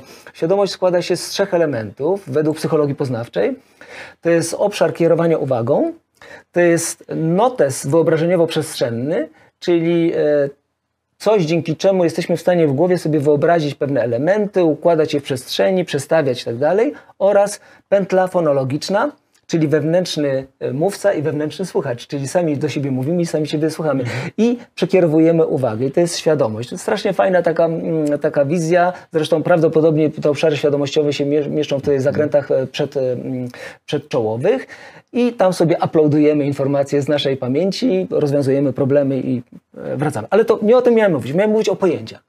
Bo e, nasz mózg funk funkcjonuje w ten sposób, nasza psychika funkcjonuje w ten sposób, że e, są w niej, można powiedzieć, zawieszone w pewnej takiej właśnie matematycznej przestrzeni pojęcia, które są powiązane ze sobą siecią zależności. I w ten sposób tworzy się nam światopogląd, w ten sposób tworzy nam się widzenie rzeczywistości. Po prostu coraz więcej tych pojęć mamy, jak, jak rośniemy, jak z dzieci, z dzieci stajemy się osobami dorosłymi, te pojęcia, ich spektra znaczeniowe też się powiększają i powiązania między nimi się stają coraz bardziej skomplikowane. U każdego jest, są w zasadzie inne. Bo wyobraźmy sobie osobę, która wszędzie dostrzega zagrożenia. Wtedy powiązania między tymi pojęciami są na zasadzie zagrożeń. Wyobraźmy sobie osobę anal- analityczną. Wtedy ta osoba powiąże te pojęcia ze sobą na zasadzie podobieństw i tak dalej, i tak dalej.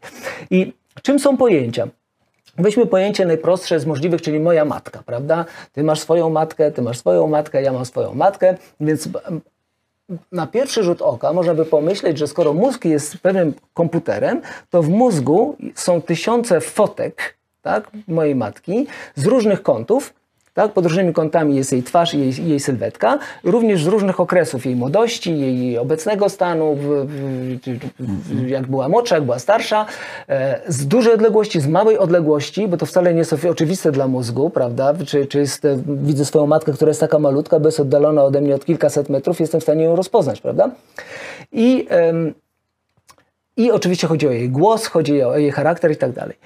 I okazuje się, że nasz mózg nie dokonuje za każdym razem, kiedy widzimy tę swoją matkę, pomiaru jej twarzy i tak dalej, te, te, te, pod, pod danym kątem, w danym No oświetleniu nie i tak jest to analityczne takie bardzo, tylko, tylko bardziej kwestie jakichś, jakichś takich bardziej odległych skojarzeń tak, Tak, związanych z ok, tak, okazuje się, bo tak. istnieje coś takiego jak ekonomika myślenia, ekonomika mózgu i mózg bardzo nie lubi się męczyć, więc on używa pewnych e, daleko idących uproszczeń. Okazuje się, że moja matka to jest pojęcie, które zawiera kilka wyabstrahowanych z mojej matki em, właściwości.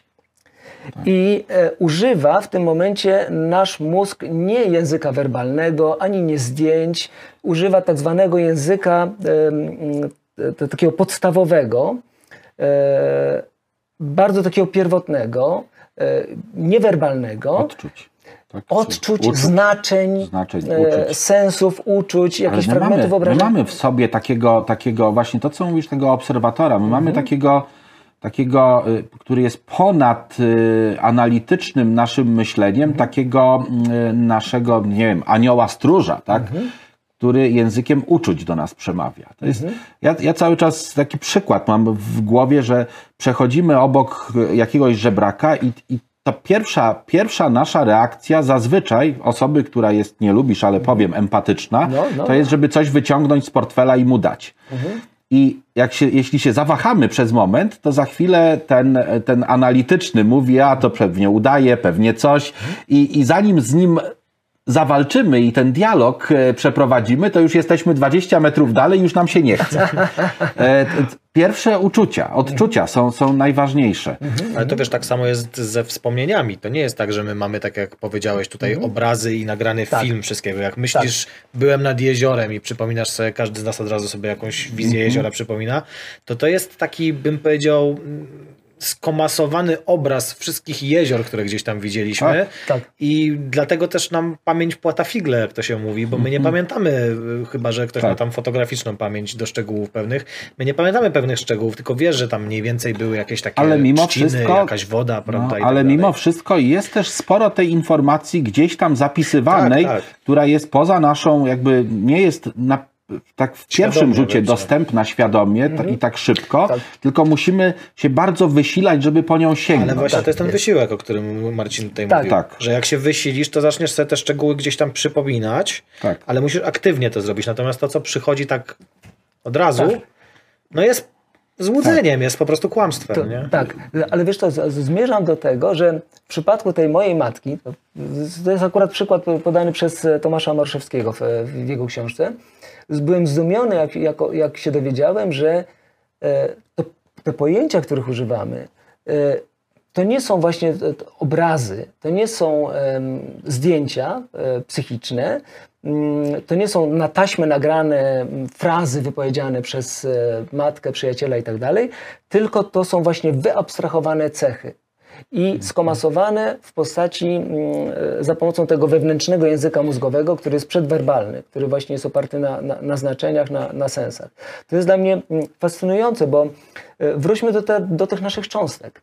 Tak? Ja wiem, że tutaj wykonuję straszny skok tak? i y, y, można się za głowę złapać. No, ale to jest chyba jakby to, Mamy to, to, to, taki, skakać. tak. Tak, bo Ale to jest clue, tak? Żeby, Tak. żeby przejść od, od, Przejść. od tego też do, do, tego, do, do tego, co Więc- istnieje. Więc tak? mamy cząstki, które są wiązkami właściwości. Te właściwości są abstraktami, są abstraktami par excellence, czyli są zjawiskami abstrakcyjnymi. Czym jest spin, czym jest ta, ten ładunek i tak dalej, to są rzeczy totalnie abstrakcyjne, te właściwości. Podobnie jak właś- e, rzeczami abstrakcyjnymi są wiązki właściwości związane z moją matką. Tak?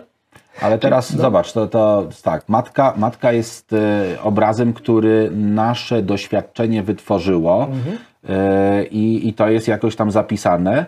E, w jaki sposób e, zapisywane są, zapisywana jest ta informacja? To też jest jakieś, musi być, jeżeli tego Mhm. nie ma, to skąd się wzięło to doświadczenie? Czy ono, czy doświadczenie jest też y, czymś takim abstrakcyjnym, co jest zapisywane? Bo tutaj no, do tego, tak, co istnieje, co nie istnieje, jakby chcemy, chcemy I co nawiązać. to znaczy istnieje? Ja myślę, że wszystko istnieje i to, i to. Wiesz co, gdybym miał odpowiadać skrótowo, to bym powiedział, że istnieje świat em, prostszy troszeczkę, ten matematyczny, ten materialny, zewnętrzny i istnieje świat wewnętrznego obserwatora. Tylko, że wewnętrzny obserwator, czyli psychika, nie składa się z atomów, nie składa się z cząstek, które znamy, nie składa się z niczego, co my znamy. Bo y, to jest od, odwieczne pytanie, y, czym jest psychika i odwieczne pytanie, czym jest materia.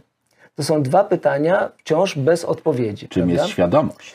Czym jest świadomość? Tak, to, to łączy psychika, świadomość, Tak. to, to, to A mogę, mogę Cię o łączyć, coś no. zapytać, bo mnie to, mnie to y, od, od, od kilku lat, gdy się dowiedziałem o tym, zresztą kiedyś nawet o tym żeśmy rozmawiali, e, ale warto też jakby o tym powiedzieć, bo e, doświadczenie, które zostało przeprowadzone i to są, to są jakby też no, takie fakty związane z postrzeganiem naszej rzeczywistości, pokazują, że my możemy nauczyć e, urządzenia rejestrujące sygnały, przebiegi sygnałów e, w naszym mózgu, e, do tego, żeby rozpoznawały pewne jakby sposoby reakcji.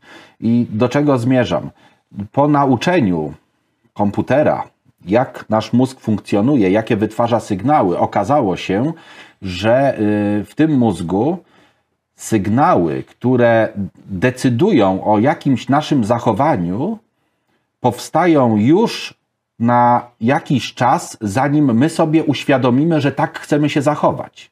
Czyli w momencie, gdy ja sobie uświadamiam, że, że chcę chwycić ten kubek i go chwytam, to na, tam zdaje się pół sekundy wcześniej nasz mózg już to jakby zadecydował za nas, za naszą świadomość. To jest przerażające, tak. No ja, ja po prostu się z tym nie godzę, że jestem, e, jestem pa, papet.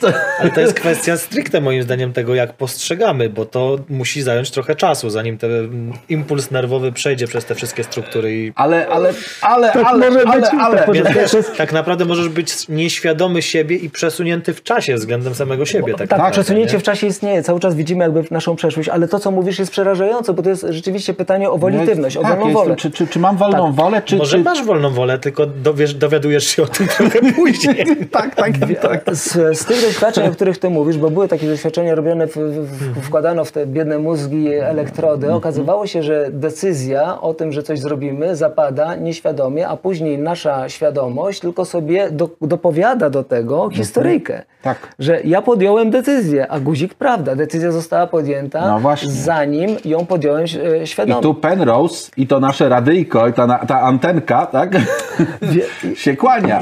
No Dla właśnie, mnie- może jesteś czymś innym. Jestem niż tylko to, kosmiczną czujesz. marionetką od Dicka. Wiesz, to piekielnie ważnym jest pojęcie, pojęcie superweniencji. To jest e, ostatnio U, moja... Trudne słowo. Ta superweniencja to jest e, bardzo ciekawe pojęcie. Super rozumiem, a wenien... Superweniencja Weniencja. to jest, to jest zjawisko, w którym ja podejmuję decyzję, że, podej, po- że podniosę ten kubek, tak?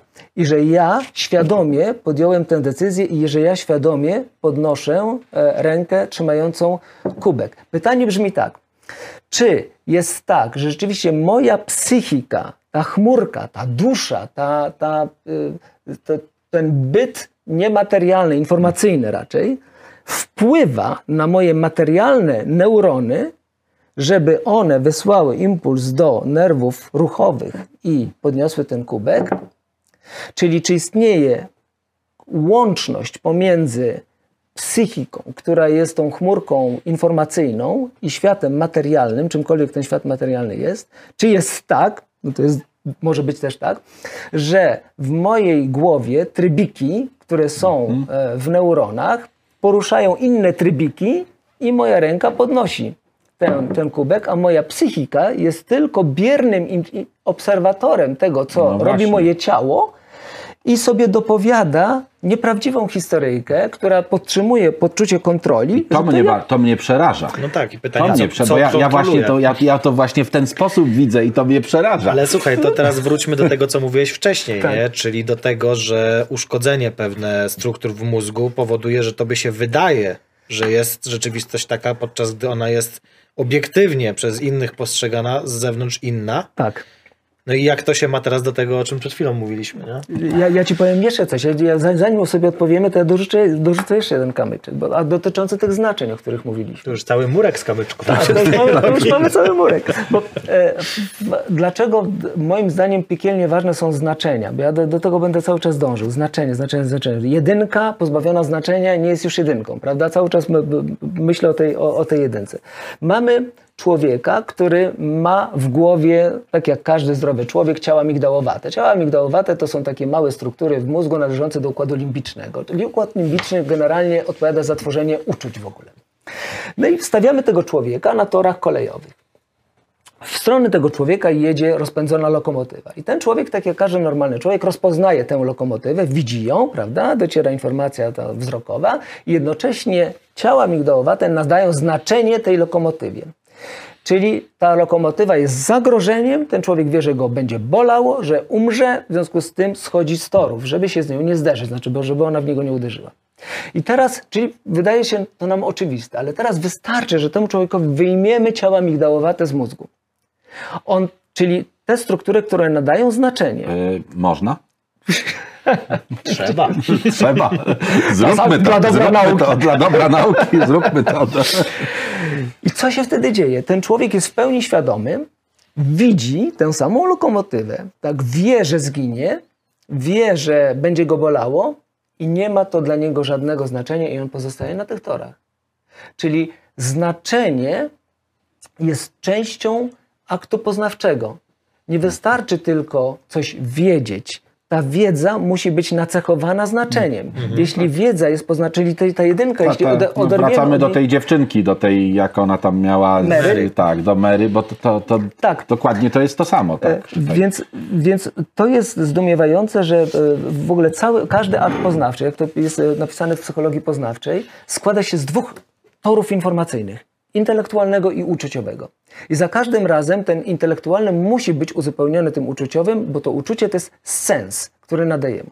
E, Był przykład. Znaczy, A to był, przepraszam, wiemy to z jakichś eksperymentów? Tak. Ktoś miał uszkodzone te tak, struktury? oczy, oczywiście, Okej. tak. No, dam, po- podam Wam najbardziej chyba wstrząsający e, przykład opisywany w psychologii poznawczej.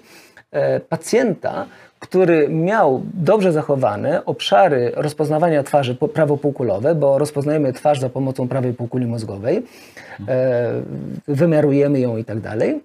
Natomiast miał przecięte, wskutek udaru, prawdopodobnie już dokładnie nie pamiętam, połączenie między tą strukturą wymiarującą twarz, a układem limbicznym, czyli układem uczuciowym. Czyli tym układem, który na, nacechowuje wszystko uczuciem albo sensem, jak zwał, tak zwał. I ten człowiek, e, przykład jego rozmowy z jego lekarzem prowadzącym. No, Załóżmy, że ten człowiek się nazywał Zygmunt, prawda? Lekarz mówi, Zygmunt, jak ty się dzisiaj czujesz? No, czuję się dobrze. A powiedz mi, kto ciebie tutaj przyprowadził?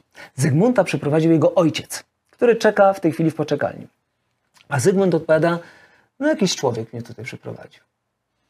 A, a, a jak wygląda ten człowiek? Pyta lekarz. Zygmunt odpowiada, jest bardzo podobny do mojego ojca. Lekarz mówi, to może to jest twój ojciec. Zygmunt mówi, nie, to jest niemożliwe. Dlaczego? No bo gdyby to był mój ojciec, to bym to wiedział, to nie jest mój ojciec.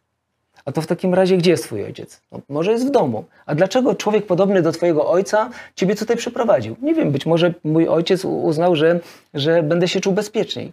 Zasypuje ten Tak. dysonans, nie? Tak, za, tak, zasypuje ten dysonans poznawczy, prawda? Tworzy cały czas em, te takie em, historyjki, które e, próbują nadać e, sens temu, co sensu nie ma. Dla tego człowieka wszyscy znajomi są nierozpoznawalni. Wszyscy są tajnoż agentosz, e, osobami podobnymi, ale nie No tak. jego rodziną, nie jego znajomymi. Tak? Wystarczy, że zostaje odcięty ten obszar znaczeniowy, nadawania znaczeń i już przestajemy rozpoznawać rzeczywistość. Prawda?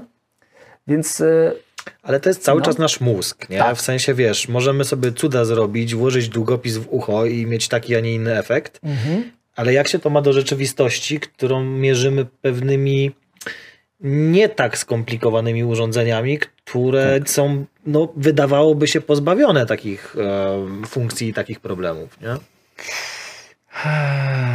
Wytwarzamy w mózgu obraz narzędzi, które nadają sens. No, ale wspólnie wszyscy, nie? Wspólnie no, wszyscy, no tak. więc dobrze, to, to przyjrzyjmy się jeszcze raz naszemu spostrzeganiu rzeczywistości. Tak? Mamy stół. Tak? Mamy stół, ja go spostrzegam. Spróbujmy to rozebrać na czynniki pierwsze. Dobrze? Pomóżcie mi tutaj troszeczkę. Odbijają się fotony, tak? Nie- Niedobrze, że ten stół jest czarny, ale niech będzie, bo one się nie odbijają w większości przypadków. Załóżmy, że No, ten stół dużo jest, jest okej. emitowany. Ale tak. jest- jest tak. Załóżmy, że jest brązowy ten stół, tak? Te fotony się odbijają, docierają do, do, do naszych oczu, idzie informacja do naszego mm, mózgu, prawda? I co się wtedy dzieje? Bardzo ważna rzecz się dzieje. Odpalają się pewne konkretne struktury neuronalne, prawda? Można sobie wyobrazić sieć neuronów, które e, reagują, tak? Jest, są pobudzone. To jest pewna struktura konkretna, reagująca na kolor czarny, tak? I dalej mamy cud, zjawisko absolutnie niewytłumaczalne. Nikt nie wie, jak to się dzieje. Jest Donald Hoffman, genialny gość, właśnie psycholog, pan profesor od, od psychologii poznawczej, który próbuje to zrozumieć, zresztą nie tylko on. Dalej następuje wrażenie widzenia, widzenia koloru e, czarnego. Pytanie, jak to się staje, że neurony, ich odpalenie, ich, ich pobudzenie przekłada się na doznanie widzenia koloru takiego czy, czy, czy innego, na, na widzenie kształtu takiego czy innego, to jest już magia. Nikt nie wie, jak przełożyć fakt, że dane neurony są pobudzone na doznanie Ale to chyba wszystkie koloru. zmysły tak działają. Dokładnie wszystkie. Wszystkie zmysły są, są tą, tą magią mózgu. To Tak. tak, to jest dokładnie, to jest, ta, to jest element kreacji. To jest Tak. samo obserwowanie tak, Tak, naprawdę. tak. to jest element kreacji rzeczywistości yy, na bazie czegoś, co, co jakby nas pobudza, ale to tak naprawdę my kreujemy. Czy, czy, czyli e, nazwijmy to po imieniu, my malujemy rzeczywistość. Tak, tak. Malujemy rzeczywistość kolorami, dźwiękami, uczuciem temperatury, dotyku, nacisku, Tak. smaku, pro, propriocepcją. To są wszystko farby, bo rzeczywistość sama z siebie nie wygląda. Jej Tak. immanentną cechą nie jest I, wygląd. i, I tutaj wracam, No tutaj- wracam, y, rzucam y, ten, ten bumerang ponownie, tak, no, on teraz wraca, Rzucaj. bo y, popatrz, gdy mamy do dyspozycji tylko nasze zmysły niewspomagane, Mhm. no to kreujemy ten świat na bazie tego, co jesteśmy Tak. w stanie zaobserwować. Tak. Więc obserwujemy kryształową sferę, która jest zbudowana z jasnych punkcików, e, które w nocą świecą. Za dnia kreujemy jasną tą, tą tarczę słońca, m, która sobie wędruje od, od, e, od lewa do prawa albo od prawa do lewa, tam gdzie indziej, jak jesteśmy w Australii. I, I to.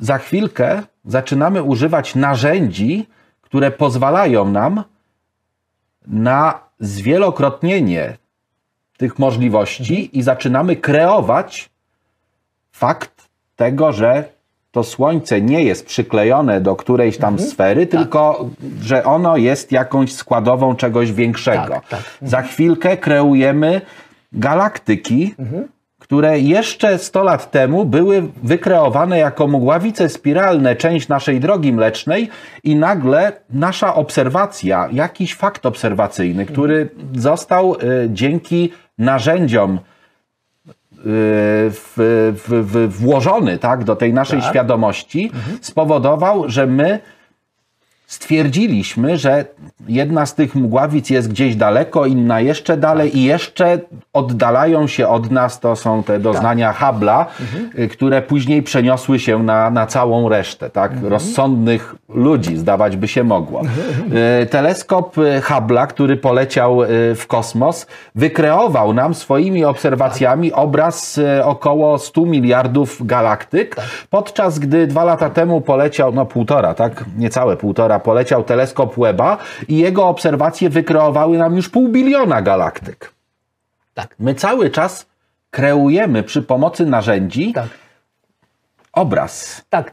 I to jest tylko obraz, bo my tego ani nie dotykamy, to, to jest tylko obraz. Nie, ja, by- ja bym to jest chciał, informacja. Tak, ja bym chciał, żeby to dobrze wy- wybrzmiało, bo to było swego czasu dla mnie odkrycie, więc być może będzie odkrycie też dla, dla widzów astrofazy, że, że rzeczywistość nie wygląda. Po prostu nie wygląda, że to my Tak. Kreujemy. e, kreujemy wygląd rzeczywistości. To jest tak, że tak jak powiedziałem, rzucamy kamień, on się odbija, a my sobie wyobrażamy rzeczywistość. Że Kolory nie jest, są świetnym tak, przykładem tak, tego. Mówiłeś o tym tak, przy Mary. Tak. że nie jest cechą immanentną rzeczywistości jej wygląd. Rzeczywistość jest obserwowalna, ale nie wygląda. Tak. Po prostu.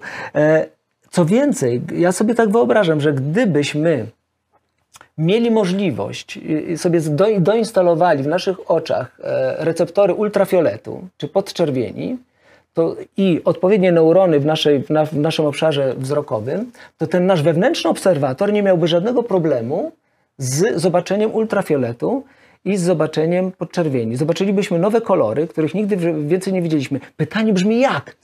Jak to jest możliwe? Znaczy w ogóle skąd jest moje przypuszczenie, żebyśmy to zobaczyli? No właśnie w YouTubie możemy zobaczyć panów, którzy zakładają to- okulary i widzą kolory, których nigdy jest, więcej nie, nie, widzieli. bo to jest, to jest bardzo proste, No. dla, bardzo proste, dlatego że y, detektory, z których my dzisiaj korzystamy, Mhm, detektory całego spektrum elektromagnetycznego, y, one działają w ten sposób, że y, tym jakby ostatnim elementem działania jest impuls elektryczny. Tak, ale powiedz A mi... nasze mózgi y, bazują na impulsie elektrycznym, który, który właśnie powoduje to, co mówisz, ten, ten błysk neuronów. Czyli i, to narzędzie ma kompatybilizować rzeczywistość do tego, co my rozumiemy jako pewien obraz. No dobrze, ale mózg, ta, ta, ta rzecz materialna, to jest co innego. To, to wszystko tutaj działa. To, tutaj wszystko działa, jestem, ja, ja to doskonale rozumiem, ale jest tutaj jest też psychika, ten wewnętrzny obserwator. Jakim cudem ten skubaniec zobaczy nowe kolory? Jakim cudem ten skubaniec widzi kolory po raz pierwszy, kiedy mózg za, e, dos- dosta- dostaje specjalne okulary, dzięki którym e, m, daltonista zaczyna widzieć kolory? Jakim cudem on zaczyna widzieć coś, czego nigdy w życiu nie widział? To ja ci tam inne pytanie. no? Spróbuj sobie wyobrazić nowy kolor, nie? Właśnie. Próbu- próbowałem sobie wyobrazić nowy kolor setki razy, to jest niemożliwe, prawda? Tymczasem wystarczyłoby, ostatnio widziałem program jakiś o ptakach drapieżnych, prawda, że one widzą ultrafiolet. Dlaczego im, to jest potrzebne? Bo jak się e, zsika jakaś tam e, wiewiórka czy inny tam gryzoń, to one po prostu to widzą. Właśnie w ultrafiolecie łatwiej jest dostrzec. no, dostrzec owady też, owady też widzą. E, tak. E, Zdumiewa mnie to, moje własne przypuszczenie, że ten wewnętrzny obserwator nie miałby problemu w zobaczeniu nowego koloru. Jest pytanie jak? No, e, e, Platon wyjaśnia to bardzo prosto. Tak? E, Platon mówi tak, że istnieje świat idei, w który to świat idei wierzy Roger, Roger Penrose, przecież fizyk, prawda? Genialny. I dusza, Platon używał tego określenia oczywiście, w zaświatach widziała ideę. W związku z tym nie ma żadnego problemu w tym, żeby rozpoznała, kiedy już spotyka je w życiu e, ty- tym, tym, na tym. Doczesnym. Tak, doczesnym. Czyli, czyli do, dostrzeżenie idei koloru czerwonego, idei koloru niebieskiego, idei podczerwonego koloru, który widzą ptaki, czy, czy, czy, czy fio- ultrafioletowego, nie byłoby dla tego wewnętrznego obserwatora żadnym e, problemem. Tylko, że jest pytanie, czym on jest ten wewnętrzny obserwator, czyli czym jest psychika, tak? I gdzie jest idea? I gdzie jest idea? Czym, i, I znowu dochodzimy do pytania, gdzie, prawda? Znowu przestrzeń nam wchodzi. Czyli, czyli czym jest ze- zewnętrzny świat, świat, ten świat i świat wewnętrznego obserwatora, czyli świat, e, świat psychiki.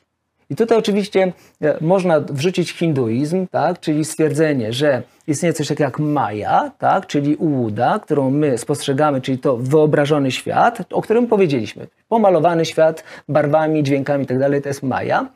Atman, czyli nasza psychika, która nie jest tym, czym jest Maja, i Brahman, który ma tę samą strukturę co Atman, tylko że Atman nie może zobaczyć Brahmana, tylko patrzy na Brahmana poprzez e, Maję.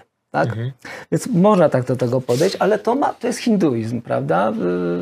No oni też troszkę inaczej jakby te, te pojęcia Tak. y, rozumieją i Tak. oni inaczej wykształcili też te, te swoje sposoby pojmowania, jeśli no chyba, że, chyba, że potem poszli metodą kształcenia takiego y, matematycznego, fizycznego i to im się wszystko gubi. I im się gubi, to prawda. Tak. To prawda. Więc e, sp- sp- spróbujmy. Ja cały czas, całe, całe szczęście nie jestem naukowcem, więc ja mogę jako tak zwany wizjoner i pisarz e, różne rzeczy wymyślać, więc jakby świat nauki mnie nie ścignie za moje wymysły, prawda? Policja naukowa. O, Policja a to naukowa. jest bardzo dobry pomysł. Taka co? Płaskoziemca. Tak. I do więzienia za płaskoziemskość 7 lat. Dokładnie. Więc em, czym jest świat zewnętrzny? Ja bym zadał dwa pytania. Czym jest świat zewnętrzny i czym jest wewnętrzny obserwator? Więc e, świat zewnętrzny, czyli kubek, stół, moje ciało, mój mózg również, tak? E, Ja bym założył, że nie, nie ma czegoś takiego jak newtonowska przestrzeń, czyli em, nie ma wszechświata zanurzonego w istniejącej a priori przestrzeni. Powiedziałbym, że to jest, e, że przestrzeń jest raczej tworem logicznym, e, abstrakcyjnym, ale nie re, reistycznym, nie, nie, nieprawdziwym. Również oczywiście jestem zdania tego, że nie istnieje newtonowski czas, czyli nie istnieje coś takiego, że wisi jakiś zegar odmierzający czas niezależnie od rzeczywistości. Wiesz, mhm. Bardzo mi się tutaj też podoba taka koncepcja, którą kiedyś przeczytałem, że ten cały świat i wszystko, co się w nim rozgrywa, mhm. jest pewnym takim skondensowanym teatrem, gdzie my przeżywamy tak naprawdę wszystko. Mhm.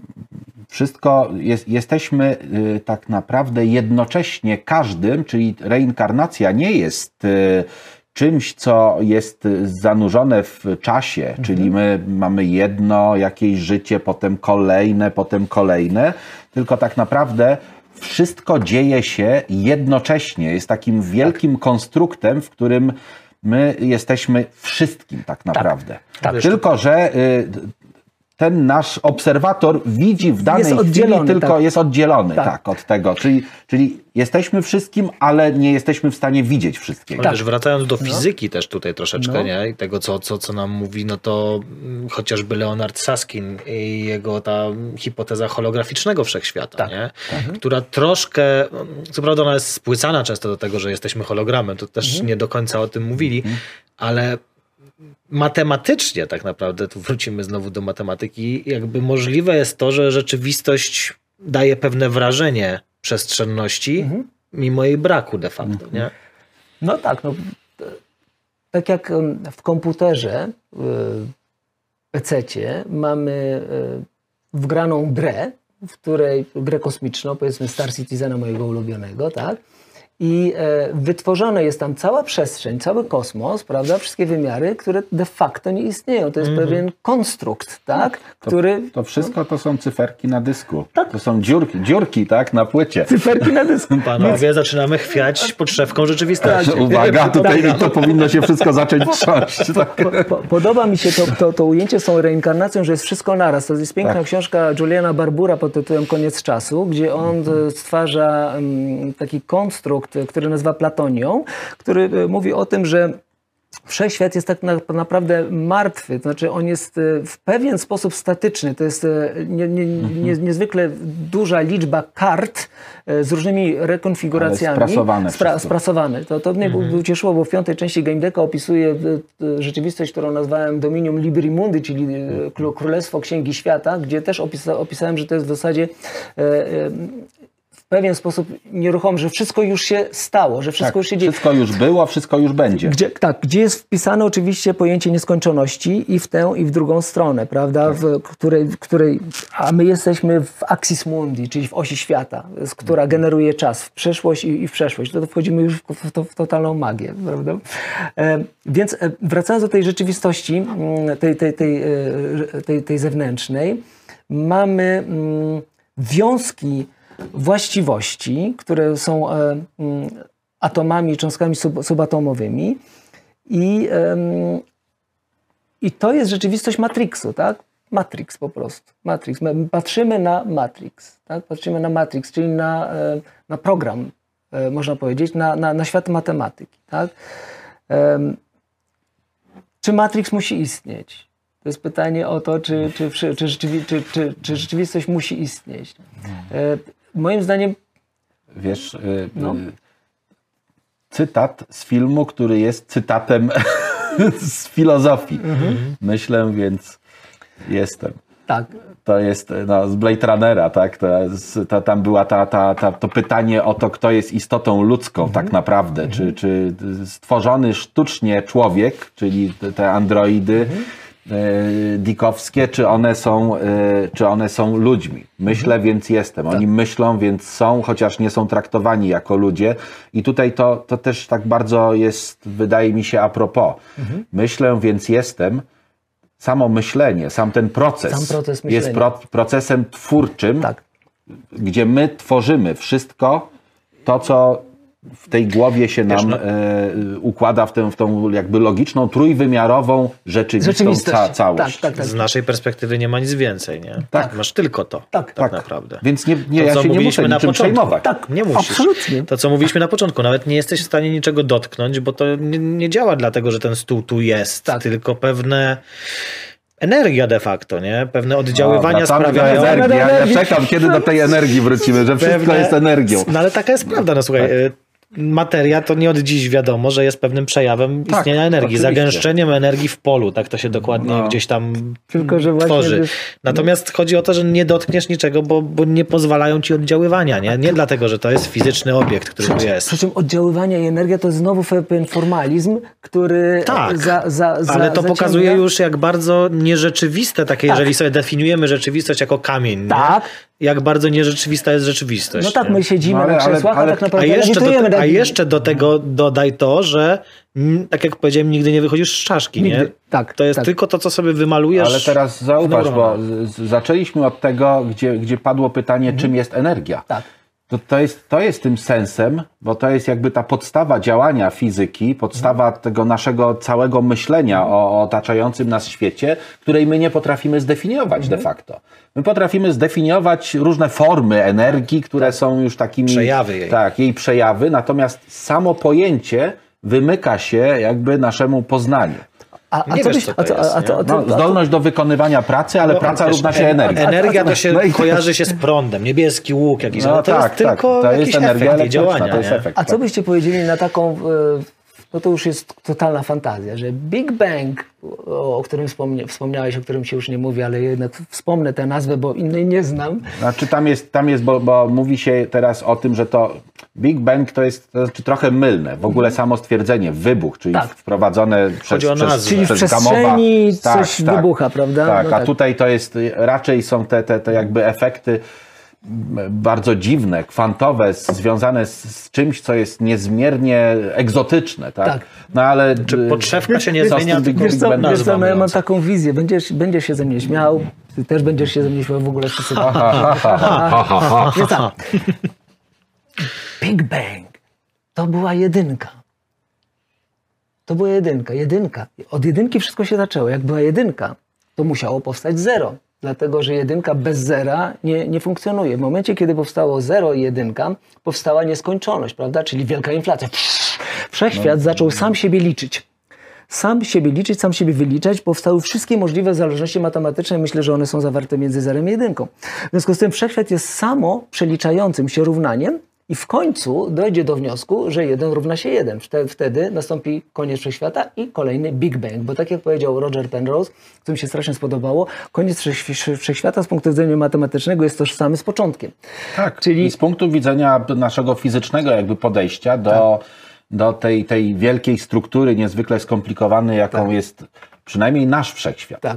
No bo nie mówimy o multiversum, bo Tak. my, my sobie Nie, nie, jakby... nie, nie, z- z- z- tak. nie, bo my sobie jakby cały czas próbujemy ciągle tego obserwatora zewnętrznego gdzieś, gdzieś wsadzić. Nie? Tak, to to tak. jest to stąd wynika, ale, ale y, początek i koniec są tożsame. Tak. To też udowodnił y, i to, to jest też ważne y, z punktu widzenia tej rozmowy. Ksiądz profesor Heller udowodnił właśnie tą, tą y, jakby ciągłość przejścia pomiędzy końcem a początkiem. On pokazał, że tam nie ma tak naprawdę nieskończoności, tylko jest taka nieskończenie mała y, szparka, gdzie jedno się chowa, a drugie powstaje. Tak.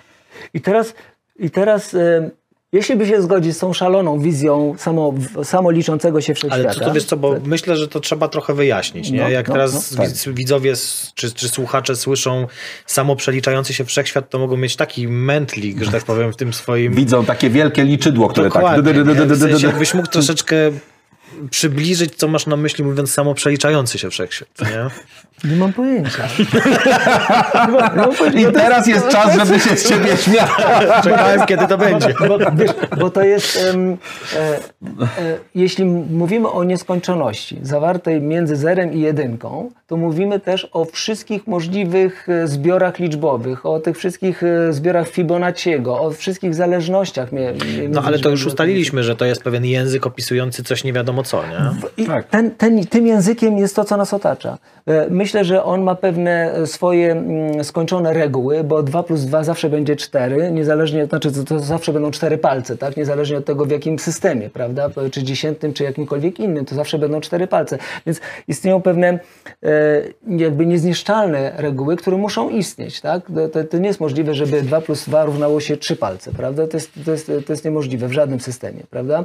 Więc e, one muszą istnieć, a ponieważ... No, Ja myślę, że tutaj tu nie, bo dla, my mówimy o postrzeganiu rzeczywistości i o matematyce, która jakby jest tym, tym narzędziem postrzegania rzeczywistości, tak? Tym, tym co, co jakby ja myślę, że rzeczywistość jest matematyką. Czy rzeczywistość jest matematyką, Tak. ale my poprzez tą matematykę postrzegamy to, to jakby tą, tą mate, matematyka widzi samą siebie, to E, Nie, właśnie matematyka nie może widzieć samej siebie. no, właśnie no dlatego... to jest, to jest, wa- to jest wa- właśnie no, dlatego... to dochodzimy do takiego, znaczy za, zaczynamy się y, nakręcać jak taka sprężyna, która Nie, zaraz we- pęknie. Nie, właśnie, tak? właśnie dochodzę do tego, że matematyka nie może e, spostrzegać samej siebie. E, Matematyka nie może opisać samej siebie, dlatego potrzebna jest warstwa wyższa.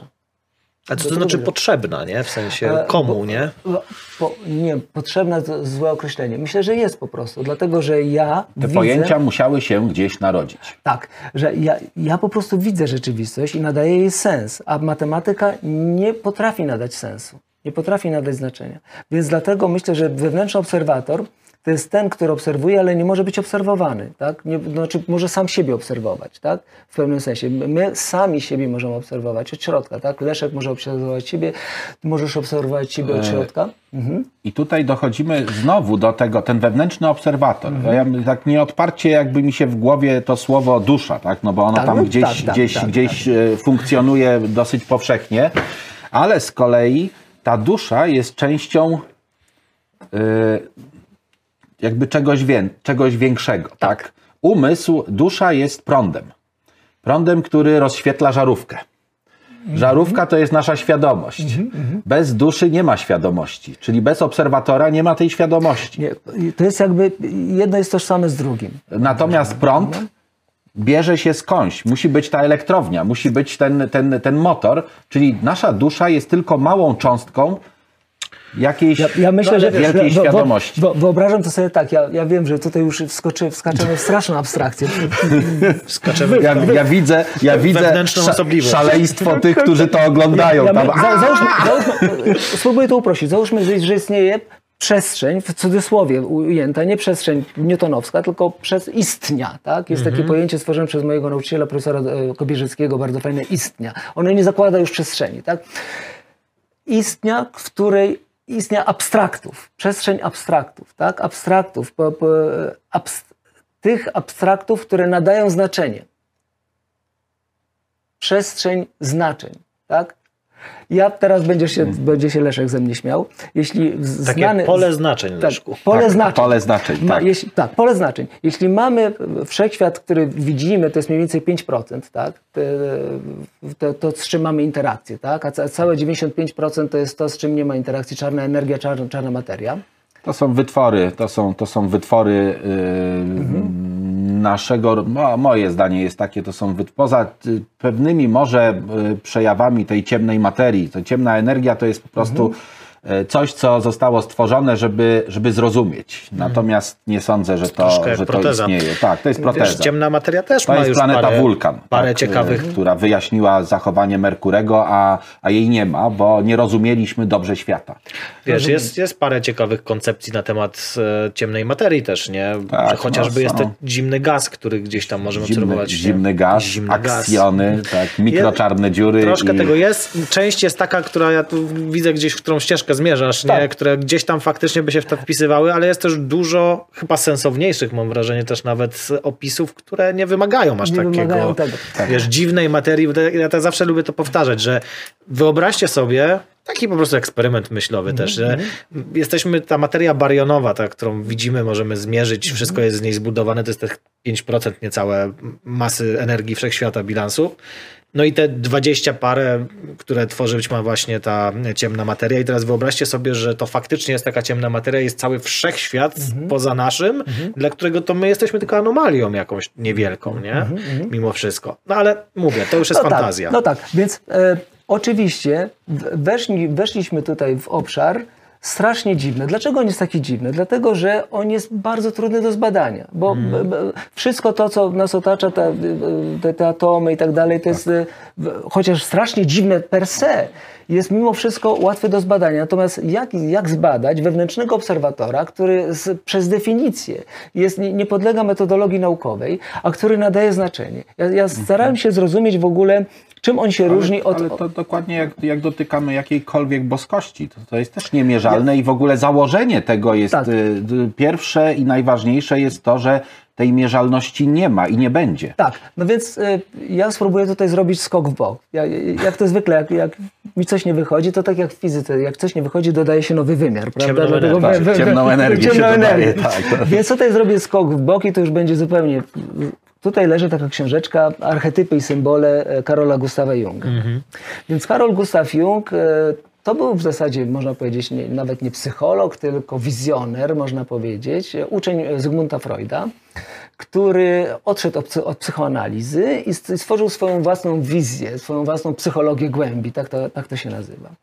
I on założył mm, w zasadzie tylko opierając się na wglądach, na, ale też na obserwacjach swoich pacjentów i pacjentek, że psychika składa się z takich trzech głównych elementów. Świadomości. Ta świadomość to jest taka żaglóweczka, która płynie po oceanie. Tym oceanem jest podświadomość indywidualna, czyli nasze wspomnienia, nasze, mm, głównie nasze wspomnienia, z których nie zdajemy sobie najczęściej sprawy, bo nie mamy tutaj tych wszystkich milionów bitów wspomnień, e, muzyki, której słuchaliśmy, w, wydarzeń, które One uczestniczyliśmy. wypływają od czasu do Tak. czasu, jak Więc- są potrzebne. Więc to jest ta podświadomość, powiedzmy sobie, indywidualna. Musi tam impuls przebiec. Tak. Tak. A dalej on założył, że istnieje coś takiego jak podświadomość kolektywna. To jest No, bardzo czyli ten prąd, który płynie. tak. I e, co on uważał, że podświadomość kolektywna to jest ta część psychiki. On uważał, że to jest część, część psychiki. Ja myślę, że to był geniusz, który odkrył coś dużo ciekawszego niż część psychiki. On uważał, że to jest część psychiki, która jest wspólna dla wszystkich ludzi, do których albo dla, do, do której to części psychiki wszyscy ludzie mają ten sam dostęp. I y, jakie cechy miała według niego podświadomość kolektywna? Mianowicie, po pierwsze, była niezależna od czasu. Dlatego on uważał, on, to jeszcze była, była epoka pewnych pionierów psychologii, więc oni mogli sobie pozwolić na na przykład badanie zjawisk parapsychicznych, telepatia, jasnowidzenie, seansy spirytystyczne, więc on się też w to bawił. I on mówił, że poprzez to, że mamy dostęp do tej podświadomości kolektywnej, to czas nas jakby mm, nie, nie zawsze obowiązuje, tak? Czyli możemy widzieć wydarzenia, które się działy w przeszłości, w, w przyszłości. To e, jest troszeczkę magiczne, niezależne, tak? Jak, dlaczego, nie wiadomo. Mówił też, że jest niezależna od przestrzeni. Czyli tak jak te e, fotony, które badamy, które e, jeśli badamy fotony spląta, splątane kwantowo i, i może między nimi przeskoczyć w pewnym sensie informacja bezczasowo, taki e, dla niego e, w, tej, w tej podświadomości kolektywnej możemy widzieć rzeczy, które są oddalone w, w przestrzeni też, prawda? Czyli No, to są, ale to są też... dotknąłeś, ba- dotknąłeś bardzo ważnej rzeczy, nie? Bo Mhm. jeszcze zwróćmy uwagę na samo jestestwo fotonu, nie? No tak. On z racji tego, że podróżuje z tą prędkością C, to nawet nie podróżuje. Przecież dla niego wszystko jest tu i teraz. Czas jest czas jest zatrzymany. zatrzyma... Tak, Nie ma czegoś takiego czas jak czas. Nie ma, Tak. nie ma czasu. Nie ma tak. czasu i nie ma przestrzeni. To jest, Tak. to jest właśnie. A, Gdzie, foton, a foton jest e, kwantem energii, a energia jest kluczem do zrozumienia tego Ale słuchajcie, czy, czy, czy, czy, ale czy biorąc pod uwagę to, czy biorąc pod uwagę to, że na przykład z punktu widzenia fotonu rzeczywistość wygląda w ten sposób, nie? Czy też nie ma A my jesteśmy tak powiedzieć, nie? naprawdę No fotonami. poniekąd tak. Poruszamy się z prędkością światła w czasoprzestrzeni cały Słuchaj, czas. czy generalnie biorąc pod uwagę to, dziwnym jest, że oddalony z naszej perspektywy o miliony lat świetlnych foton jeden z drugim jest splątany, skoro one są tu i teraz? No właśnie, skoro są tu i teraz. Skoro Nawet nie tu i teraz. Tak, Wszystko Tu i Nawet teraz tak. i nigdzie i, Tak, i i. Teraz popatrz, Tak. jeżeli masz tą kolektywną jakby część świadomość, tak. tą, tą podświadomość Tak. kolektywną, Tak. to tak naprawdę y, śmierć jest tym, y, tym jakby naszym powrotem do tego źródła. To jest nasze źródło. Tak. Czyli Nasza świadomość jest tym wy, wykwitem, bulbą na tym, na tym kolektywnym na tym jakby kolektywnym ob, czymś. obszarze. Tak, i do, i Ale do, i Jest tą żarówką. Tak. Czyli musimy zakładać tutaj jednak organ w postaci mózgu jako odbiornik w Jako pewien odbiornik, sposób. No tak. bo to nie jest tak, że jest to pamięć genetyczna i- jakaś, tak. Nie, tylko coś... nie, nie. I, i, i Efemerycznego. prze, prze, przechodząc do końca, bo zdumiewające, ale chyba, chyba się zbliżamy do, do, do, do jakiegoś końca. Nie wierzyłem w to, że w ogóle dojdziemy do jakiegoś końca. E, oczywiście Jung zakładał, znaczy zakładał, on on to wyczuwał, on był schizofrenikiem przez krótki czas, on widział Filemona, czyli figurę taką, która mu podpowiadała różne rzeczy, która była mądrzejsza od niego, tak jak... e, Zabrzmiało jakby z wyboru był. Tak. Dzisiaj będę sobie Tak. przez tydzień schizofrenikiem. Tak, no oczywiście. On miał epizod, e, on miał epizod psychotyczny, tak się to delikatnie określa. E, To, to było krótkie, ale, ale trwało przez jakiś czas. Tak jak Sokrates miał swojego dai- daimoniona, tak, on, tak, tak Jung miał swojego Filemona. On, on stwierdził, że w tej podświadomości kolektywnej są archetypy. Co to są archetypy? Bo to pojęcie zyskało taką już własne życie w popkulturze i tak dalej, ale w pierwotnym znaczeniu archetypos to znaczy praobraz. I on e, o, oznaczał jakby prapamięć, znaczenie czegoś istotnego.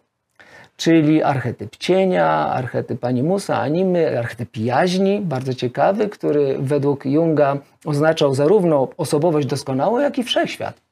Jakoś mu się to nakładało, że osobowość doskonała to jest równocześnie wszechświat, jakby Bóg, prawda?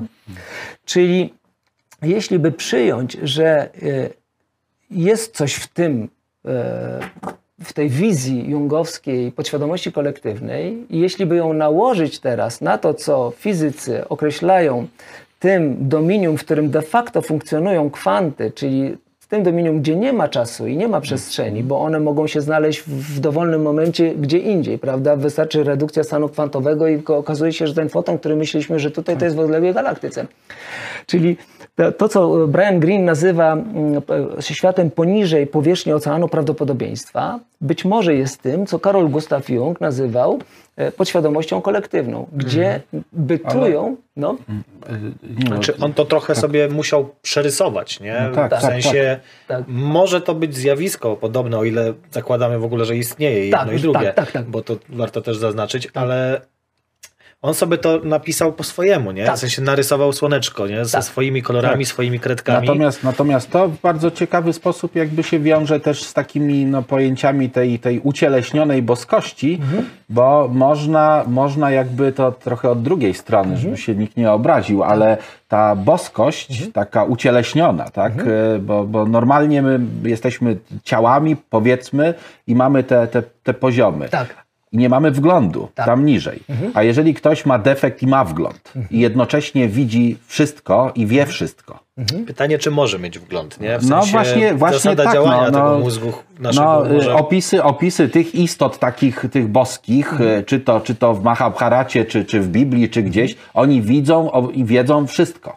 Wiedzą i wiedzą wszystko. Wszechwiedza jest y, w hinduizmie przejawem tej ucieleśnionej boskości. Tak, czyli tak jakby widział te wszystkie wymiary, jakby widział czyli, te czyli przeszłość generalnie tak jak, y, tak jak się do tego Junga odwołamy, no to ma dostęp do tej kolektywnej Mhm. Tak. części świadomości i tyle. I teraz tak, ym, już przechodząc do, do, do, do pewnej konkluzji, jak można zobaczyć według Junga e, to, co tkwi w podświadomości kolektywnej? On powiedział, że nie można.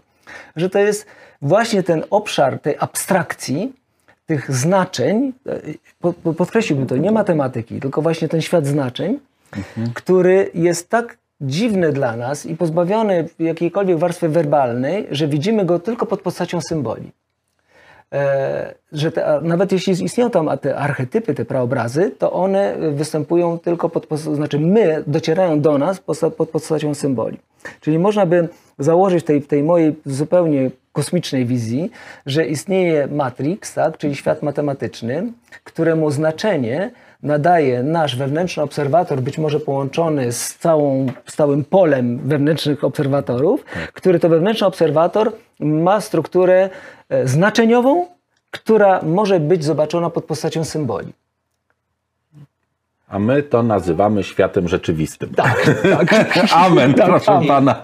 A na koniec rozpuścimy się wszyscy jak w Neon Genesis Evangelion w jeden wielki ocean tak.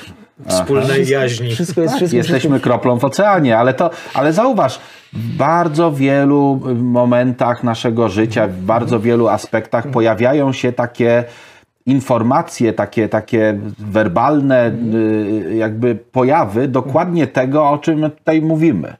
E, czyli, czyli ta kropla w oceanie, ten, ten, to, to nasze dążenie do wszechrzeczy, to, to, wszechrzeczy. nasza, to nasza próba y, rozmycia się poprzez tam kolejne wcielenia z tym, z tym y, jakby z tym bytem nadrzędnym, który jakby tutaj no, jest tak dosyć prosto i graficznie, można powiedzieć, ułożony w pewne warstwy. Tak. Tak. Najgorsze jest to, że podsumować to można tym, że albo tak jest, albo, Albo tak, nie tak nie jest. jest. Albo tak nie jest, tak?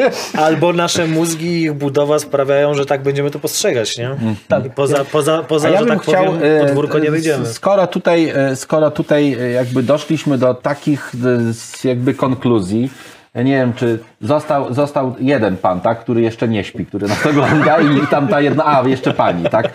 E, e, Nie, to tylko namalowane to teraz oczy na e, obudźcie się, wróćmy, e, wiesz, do rzeczywistości i do tych pośladków. To gdzie, to gdzie tą igłę? Prawy i zewnętrzny, górny. Prawy, prawy zewnętrzny, Górny, górny zewnętrzny. prawy. górny zewnętrzny, prawy czy lewy, tak? Prawy czy lewy? No tak, znakomicie. Ja chciałem Was e, strasznie serdecznie przeprosić, bo rzeczywiście pierwszy raz tutaj jestem. Jestem bardzo wdzięczny za zaproszenie i akurat zaproponowałem temat najtrudniejszy na świecie, czyli co istnieje. Ale to jest w ogóle niesamowite, wiesz, e, i moim zdaniem warto o tym mówić, nie? Oczywiście, Zwłaszcza, że, że tak, zobaczcie, że tak. śmiech śmiechem, nie? Jakby, no ja tak samo jak ty y, raczej jestem ateistą i, i nie postrzegam tego przez pryzmat gościa na chmurce, tak, Tak, zwane, tak. upraszczając oczywiście, bo jakby to, to wcale tak nie wygląda w przypadku wielu wierzących ludzi. Natomiast coś w tym jest, nie? Zauważ, że jednak mimo wszystko weźmy buddyzm chociażby, nie? I te ich właśnie, czy hinduizm, bo to jest dosyć podobne to postrzeganie pewnej ułudy i tak dalej. Im bardziej w las z nauką idziemy, im bardziej wchodzimy w tym głębie. więcej znajdujemy fizyka dowodów na wiesz, to, Ja że- nie powiem, że fizyka kwantowa potwierdza buddyzm, bo to tak, Tak, nie działa. nie, nie. Ale kurde, coś w tym jest, nie? Że jednak ta rzeczywistość nie jest do końca taka E, Czy rzeczywista. będziemy szli e, w, daleko w kosmos, Mhm. do granic e, jakby możliwości, czy będziemy szli g- głęboko jakby w strukturę czasoprzestrzeni, to zawsze dochodzimy gdzieś i, i nawet jeśli narzędzia nam się zmienią, nawet jeśli to, to zawsze będzie głęboko gdzieś ta, ta, ta, to, to miejsce na nieznane. Tak, dla, dla mnie najważniejsze jest w tym wszystkim bardzo prosta rzecz, że jedynka sama z siebie nie ma znaczenia. I matematyka nie jest w stanie nadać wiesz- znaczenie jedynce. To musi być coś nad tą jedynką, co jej to znaczenie nadaje. To jest dla mnie tajemnica, bo to, to, to świadczy o tym, że musi istnieć warstwa istnienia, warstwa rzeczywistości, która jest w Nie na stanie to, darmo, na, to, nie na darmo. nadać. Mhm. Jedynka jest taka, jest taka Mhm. i w tym anglosaskim alfabecie to jest I. Tak. To ładne. Widzisz? Coś, ładne. coś ładnego. To ładne. A ja to wziąłem z innego, jakby to, to zupełnie, z, bo, bo to jest... Trzeba było powiedzieć, że nie, wymyśliłeś. że, nie, nie, nie, to znaczy to I, to, to nie, to, to jest, no to jest że jakby, że oczy- oczywiste, tak? Tam się jeszcze pojawiało, po, po, pojawia takie, taki konstrukt myślo, myślowy, który jakby mm, e, troszeczkę tłumaczy dlaczego tak, no nie? Że, bo, by- bo my musimy przekreślać nasze I, żeby y, jakby gdzieś więcej, zobaczyć coś więcej. Jeśli już patrzymy na anglosaskie e, słowa, to eye oznacza też oko. A Tak, oko no jest tak. symbolem obserwatora. Ale, ale inaczej musimy to za, Tak. zapisać. Ale, ale Tak. też tak jest. I, o, a obserwator to jest ten, który nadaje znaczenie. A w swoich książkach... zaraz, ale zaraz, zaraz tu warto zauważyć jeszcze jedną, chyba najważniejszą rzecz. Zaczynacie tutaj mówić angielskim. A w jakim języku mówią kosmici? Po angielsku. Każdym Wszystko się filmie. składa. I, I lądują wyłącznie w Stanach Zjednoczonych. A teraz Dokładnie. zobacz, bo skoro już jesteśmy przy tym, to y, Prince, No. ten muzyk, nieżyjący już, jak weźmiemy książeczki z jego tekstami, to on nie pisał I, tylko rysował oczko. O, skubany, coś musiał wiedzieć. On, Iluminator. iluminator. Ilum, Wiesz co, człowiek to- jaszczur. Pięknie, pięknie mówił Platon o, em, o tym świecie idei. Mówił, że tak poeci, być może miał na, na myśli Prince'a tutaj, mówił, że, Tak. że poeci mają kontakt ze światem idei i potrafią zapisać rzeczy em, genialne, chociaż czas, czas, czasami sami, Sami nie mają nie rozumieją. pojęcia, tak, sami Dokładnie, nie tak, rozumieją tak. Tego, te, tego, co mówią, bo mają kontakt z tym światem idei właśnie, czyli ze światem znaczeń, czyli ze światem archetypów, czyli z podświadomością kolektywną, czyli z powierzchnią pod oceanu prawdopodobieństwa, czyli z, tą, z tym dominium, w którym czas i przestrzeń mają z nią znaczenie. kontakt i, i usiłują, bo ja teraz tak to jakby krok dalej. Weźmy tych, tych y, współczesnych poetów, czyli muzyków lat 70., którzy byli takim, oni, oni mnie, coś mieli i chcieli więcej, dlatego y, zażywali różnych środków, Właśnie. żeby mieć, mieć tego I więcej. dochodzimy do klubu, ja zapomniałem o tym powiedzieć. Właśnie jak dotrzeć do tej rzeczywistości innej, do wewnętrznego obserwatora. Oczywiście, broń Boże, nie, nie, tutaj nie propaguję, ale właśnie szamani i ci wszyscy, którzy próbowali zrozumieć rzeczywistość, e, pobierali różne substancje i w ten sposób właśnie wchodzili... Ale też medytacja, też praca tak. z umysłem, czyli, y, czyli może inaczej, wyrzucanie z siebie świadomości daje nam dostęp, a wyrzucanie, czyli niemyślenie. Tak. Niemyślenie, w takim sensie takim najprostszym, daje wgląd w te niższe warstwy.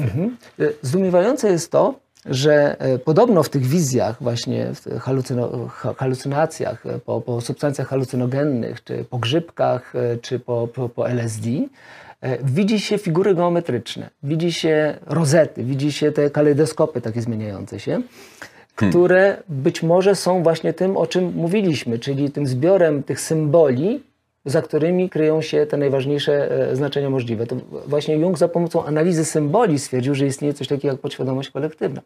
Więc e, No tak, ale wiesz, symbol to jest też coś, co tworzy nasz mózg, nie? który jest w tym Matrixie jednak osadzony bardzo mocno budową swoją, nie? no właśnie, czy możemy, bo mamy oczy skierowane zawsze na zewnątrz, czy, mo, czy możliwe jest spojrzenie e, do środka? No, Jak możemy nie widząc widzieć. No właśnie. No właśnie. Tak, e, mój drogi, e, jak dojdziesz do momentu, kiedy usłyszysz klaśnięcie jednej dłoni, to tak naprawdę to będzie twój kołan. To będzie właśnie, to będzie właśnie, życia. to będzie właśnie to Dobra, moje klaśnięcie jednej dłoni, ale o drugą. Nie? Słuchaj, Zobacz. Za... Ej, Brawo. Tak. Ja myślę, roz, rozpracowałem. ja myślę, że tutaj możemy powiedzieć amen. Tak, myślę, że, że, że nic, że tak powiem, no inaczej. Nic no, mądrzejszego już dzisiaj chyba nie, nie, nie, nie, powiemy. Nie, no słuchajcie, no jakby to nie jest coś, co można opowiedzieć, nie? W sensie, no nie. Cały czas człowiek dochodzi Jakby do tego Pokazaliśmy chyba, Tak. że się nie da. Tak, nie? tak, to- tak Możemy jak- o tym tylko myśleć. Tak, tak jak już nie pamiętam, który z, z fizyków, którego książkę czytałem chyba pod tytułem Teraz, on zadawał pytanie, kto widzi kolory i y, z reguły odpowiedź było, no jak to, on mózg widzi kolory. On mówił, że nawet czasami nie ma z kim porozmawiać, ponieważ pytanie o to, kto, kim jest wewnętrzny obserwator, już się y, zderza z Tak. murem, bo w świecie mm, e, naukowców to, to, jest, to są niebezpieczne pytania. Nie, nie, nauka, nauka to, to ta dzisiejsza dyskusja troszkę było elementów naukowych, ale bardzo wiele było elementów związanych z, no, z, z czymś innym niż, innym, niż nauka. Ja się tylko zastanawiam i to już myślę, że ostatnia rzecz, bo, bo minęły już dwie godziny tej rozmowy, żeby nie, nie zamęczyć y, widzów i słuchaczy. Y, Czy w tych y, rozważaniach, takich y, jakie, jakie wspominałeś i które, które jakby przekazał nam Jung i, i inni, czy, czy też jest ta, to podejście takie fizyczne upraszczania?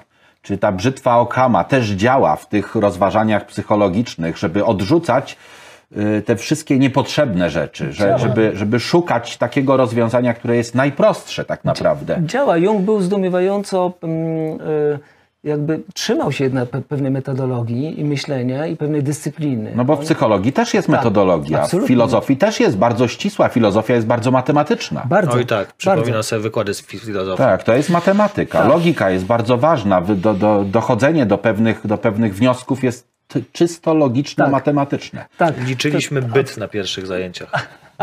I wyszło, że jak się, jak się dołoży literę O, to będzie ta właściwa odpowiedź. Nie, bo jeszcze brakuje dy. A, aczkolwiek, aczkolwiek to, to, to było... Teraz chciałem powiedzieć o, o, o- o Jungu. On miał bardzo fajne takie powiedzenie, że jeśli nauka ignoruje e, rzeczy rzadkie, to nie ma prawa nazywać się nauką. Dlatego on mm, jakby interesował się też zjawiskami, które były mm, jakby pozanaukowe, bo stwierdził, że tam, stwierdził, że tam jest coś ciekawego. Tak. Na, na przykład w książce e, Współczesny mit mm, opisuje zjawisko UFO, ale nie opisuje zjawisko UFO y, pod tytułem, że to są latające spotki i kosmici, tylko analizował, czym jest UFO z punktu widzenia psychologicznego. Zawsze, zawsze, zawsze się tego trzymał. Tak? Jasne. On mówi, nie wiem czym to jest, ale spróbuję to opisać, czym to jest z punktu widzenia psychologicznego. Oczywiście, że tak. Na przykład zajmował się systemami wr- wróżebnymi, czyli tarotem i cingiem. On nie twierdził, że to są systemy magiczne i on wierzy w magię. Nie. On mówił, co to może być z punktu widzenia psychologicznego. Bo to jest pewien konstrukt, który nasz mózg przetwarza prawda? I jakby i, i daje, daje ci y, łudę odpowiedzi. Ale wiesz, to jest na dręczące pytanie. To jest bardzo ważne tak naprawdę, żeby nie podchodzić do tego na zasadzie takiego, wiesz, hej, nie będziemy się tym zajmować, to jest poniżej naszej godności, bo przecież zobacz, oddajesz w tym momencie pole różnym szarlatanom, którzy stwierdzą, a my wiemy o co chodzi. Tak, A tak. co ci szkodzi sprawdzić i powiedzieć nawet, hej, to nie Ale działa i mamy zauważ, tu dowody, zauważ, nauka- Albo hej, coś w tym jest w tym dziwnego. jest. Zauważ, nauka, nauka też dojdzie do tego. Ta, ta nauka też zacznie się. Jest młoda tak naprawdę. jest bardzo młoda i my tutaj y, w- w Astrofazie od jakiegoś czasu też te, te, te odcinki dotyczące SETI. Zauważcie, że SETI, które się tam narodziło y, do, no, ledwie tam te 60, 70, 60 lat temu tak naprawdę, samo pojęcie przez pierwszych, pierwszych y, 30-40 lat było ignorowane przez naukę, było ośmieszane. Natomiast y, dzisiaj jest bardzo y, gwałtownie rozwijającą się częścią y, naszego aparatu pojęciowego i, i mnóstwo artykułów bardzo poważnych, w poważnych periodykach powstaje. My je omawiamy y, i są prowadzone badania z użyciem aparatu pojęciowego i naukowych metod związane z cywilizacjami pozaziemskimi. Mimo, że ich nie ma, bo nie znamy żadnej, tak, nie ma, nie ma odpo- ale warto jednak, badać. jednak warto to badać. Wiesz, to jest trochę jak z dorastaniem, nie? Jak jesteśmy młodzi, to jesteśmy buńczuczni, to wszystko wiemy najlepiej, jeszcze nie wiemy ile nie wiemy i tak dalej. I Tak. to jest troszeczkę tak samo, że to jest ten okres nastoletni, kiedy my wiemy wszystko, ale już niektóre dziedziny, bo niektóre są troszkę starsze, widać tam już takie odejście Tak. od tego i, i jednak stwierdzenie, hej, dlaczego odrzucać coś tylko dlatego, że Tak. nie zgadza się z naszym I światopoglądem? absolutnie de nie facto. wolno mówić, że wyjątek potwierdza regułę. Oczywiście, że To jest, to jest dla mnie, to zawsze było śmieszne, tak? Wyjątek potwierdza regułę. Nie, właśnie no, jak, wyjątkiem. jakże? No, jeżeli jest reguła i coś jest ponad, no to i w nauce i w, w miernictwie my też. Jeżeli jakiś pomiar nam nie pasuje, no to go odrzucamy. Oczywiście są obiektywne jakieś e, kwestie, które powodują, że ten pomiar akurat był e, nie taki jak trzeba, ale jeśli dokonujemy pomiaru czegoś, o czym nie mamy pojęcia i ufamy naszej aparaturze, to dlaczego odrzucać jeden wynik, który jest niepasujący do naszego jakby pojmowania świata? Tak. Ale to już zaczynamy truizmy rzucać, co też jest ważne, bo po to są truizmami, żeby je rzucać. Tak jest. Także słuchajcie panowie, dzięki serdeczne. Myślę, że naprawdę zostawi to coś, ta rozmowa. To jest jedna, myślę, z ważniejszych rozmów Tak, e, CBA na do nas kanale. zastuka. Zapraszamy pana kapitana. Tak. E, I cóż, no, no, mam nadzieję, że jeszcze będzie nam dane porozmawiać o jakichś fajnych, ciekawych rzeczach, także ten. No i zapraszam do zapoznania się z twórczością też e, Marcina, bo naprawdę warto. Zwłaszcza, że też moje dominium, ja lubię gry komputerowe, także nie omieszkam sobie sprawdzić Game Decka w tejże właśnie wersji. A zresztą o Game Decku, jeżeli oglądacie Pop Science, to na pewno wiele razy słyszeliście, bo wspominaliśmy o tej serii. Tak jest. Także serdecznie dzięki. Tak. tak, robimy ci reklamę, panie kolego. Jest to... Nie, nie wiem, co powiedzieć. To już nic. Dokładnie. No cóż, do zobaczenia w kolejnych odsłonach. Tego jeszcze nie wiemy, jak to nazwać nawet. Czy Tego to będzie jeszcze nie. Science, czy coś innego zrobimy. E, W każdym razie trzymajcie się i cześć. Na razie. Do zobaczenia.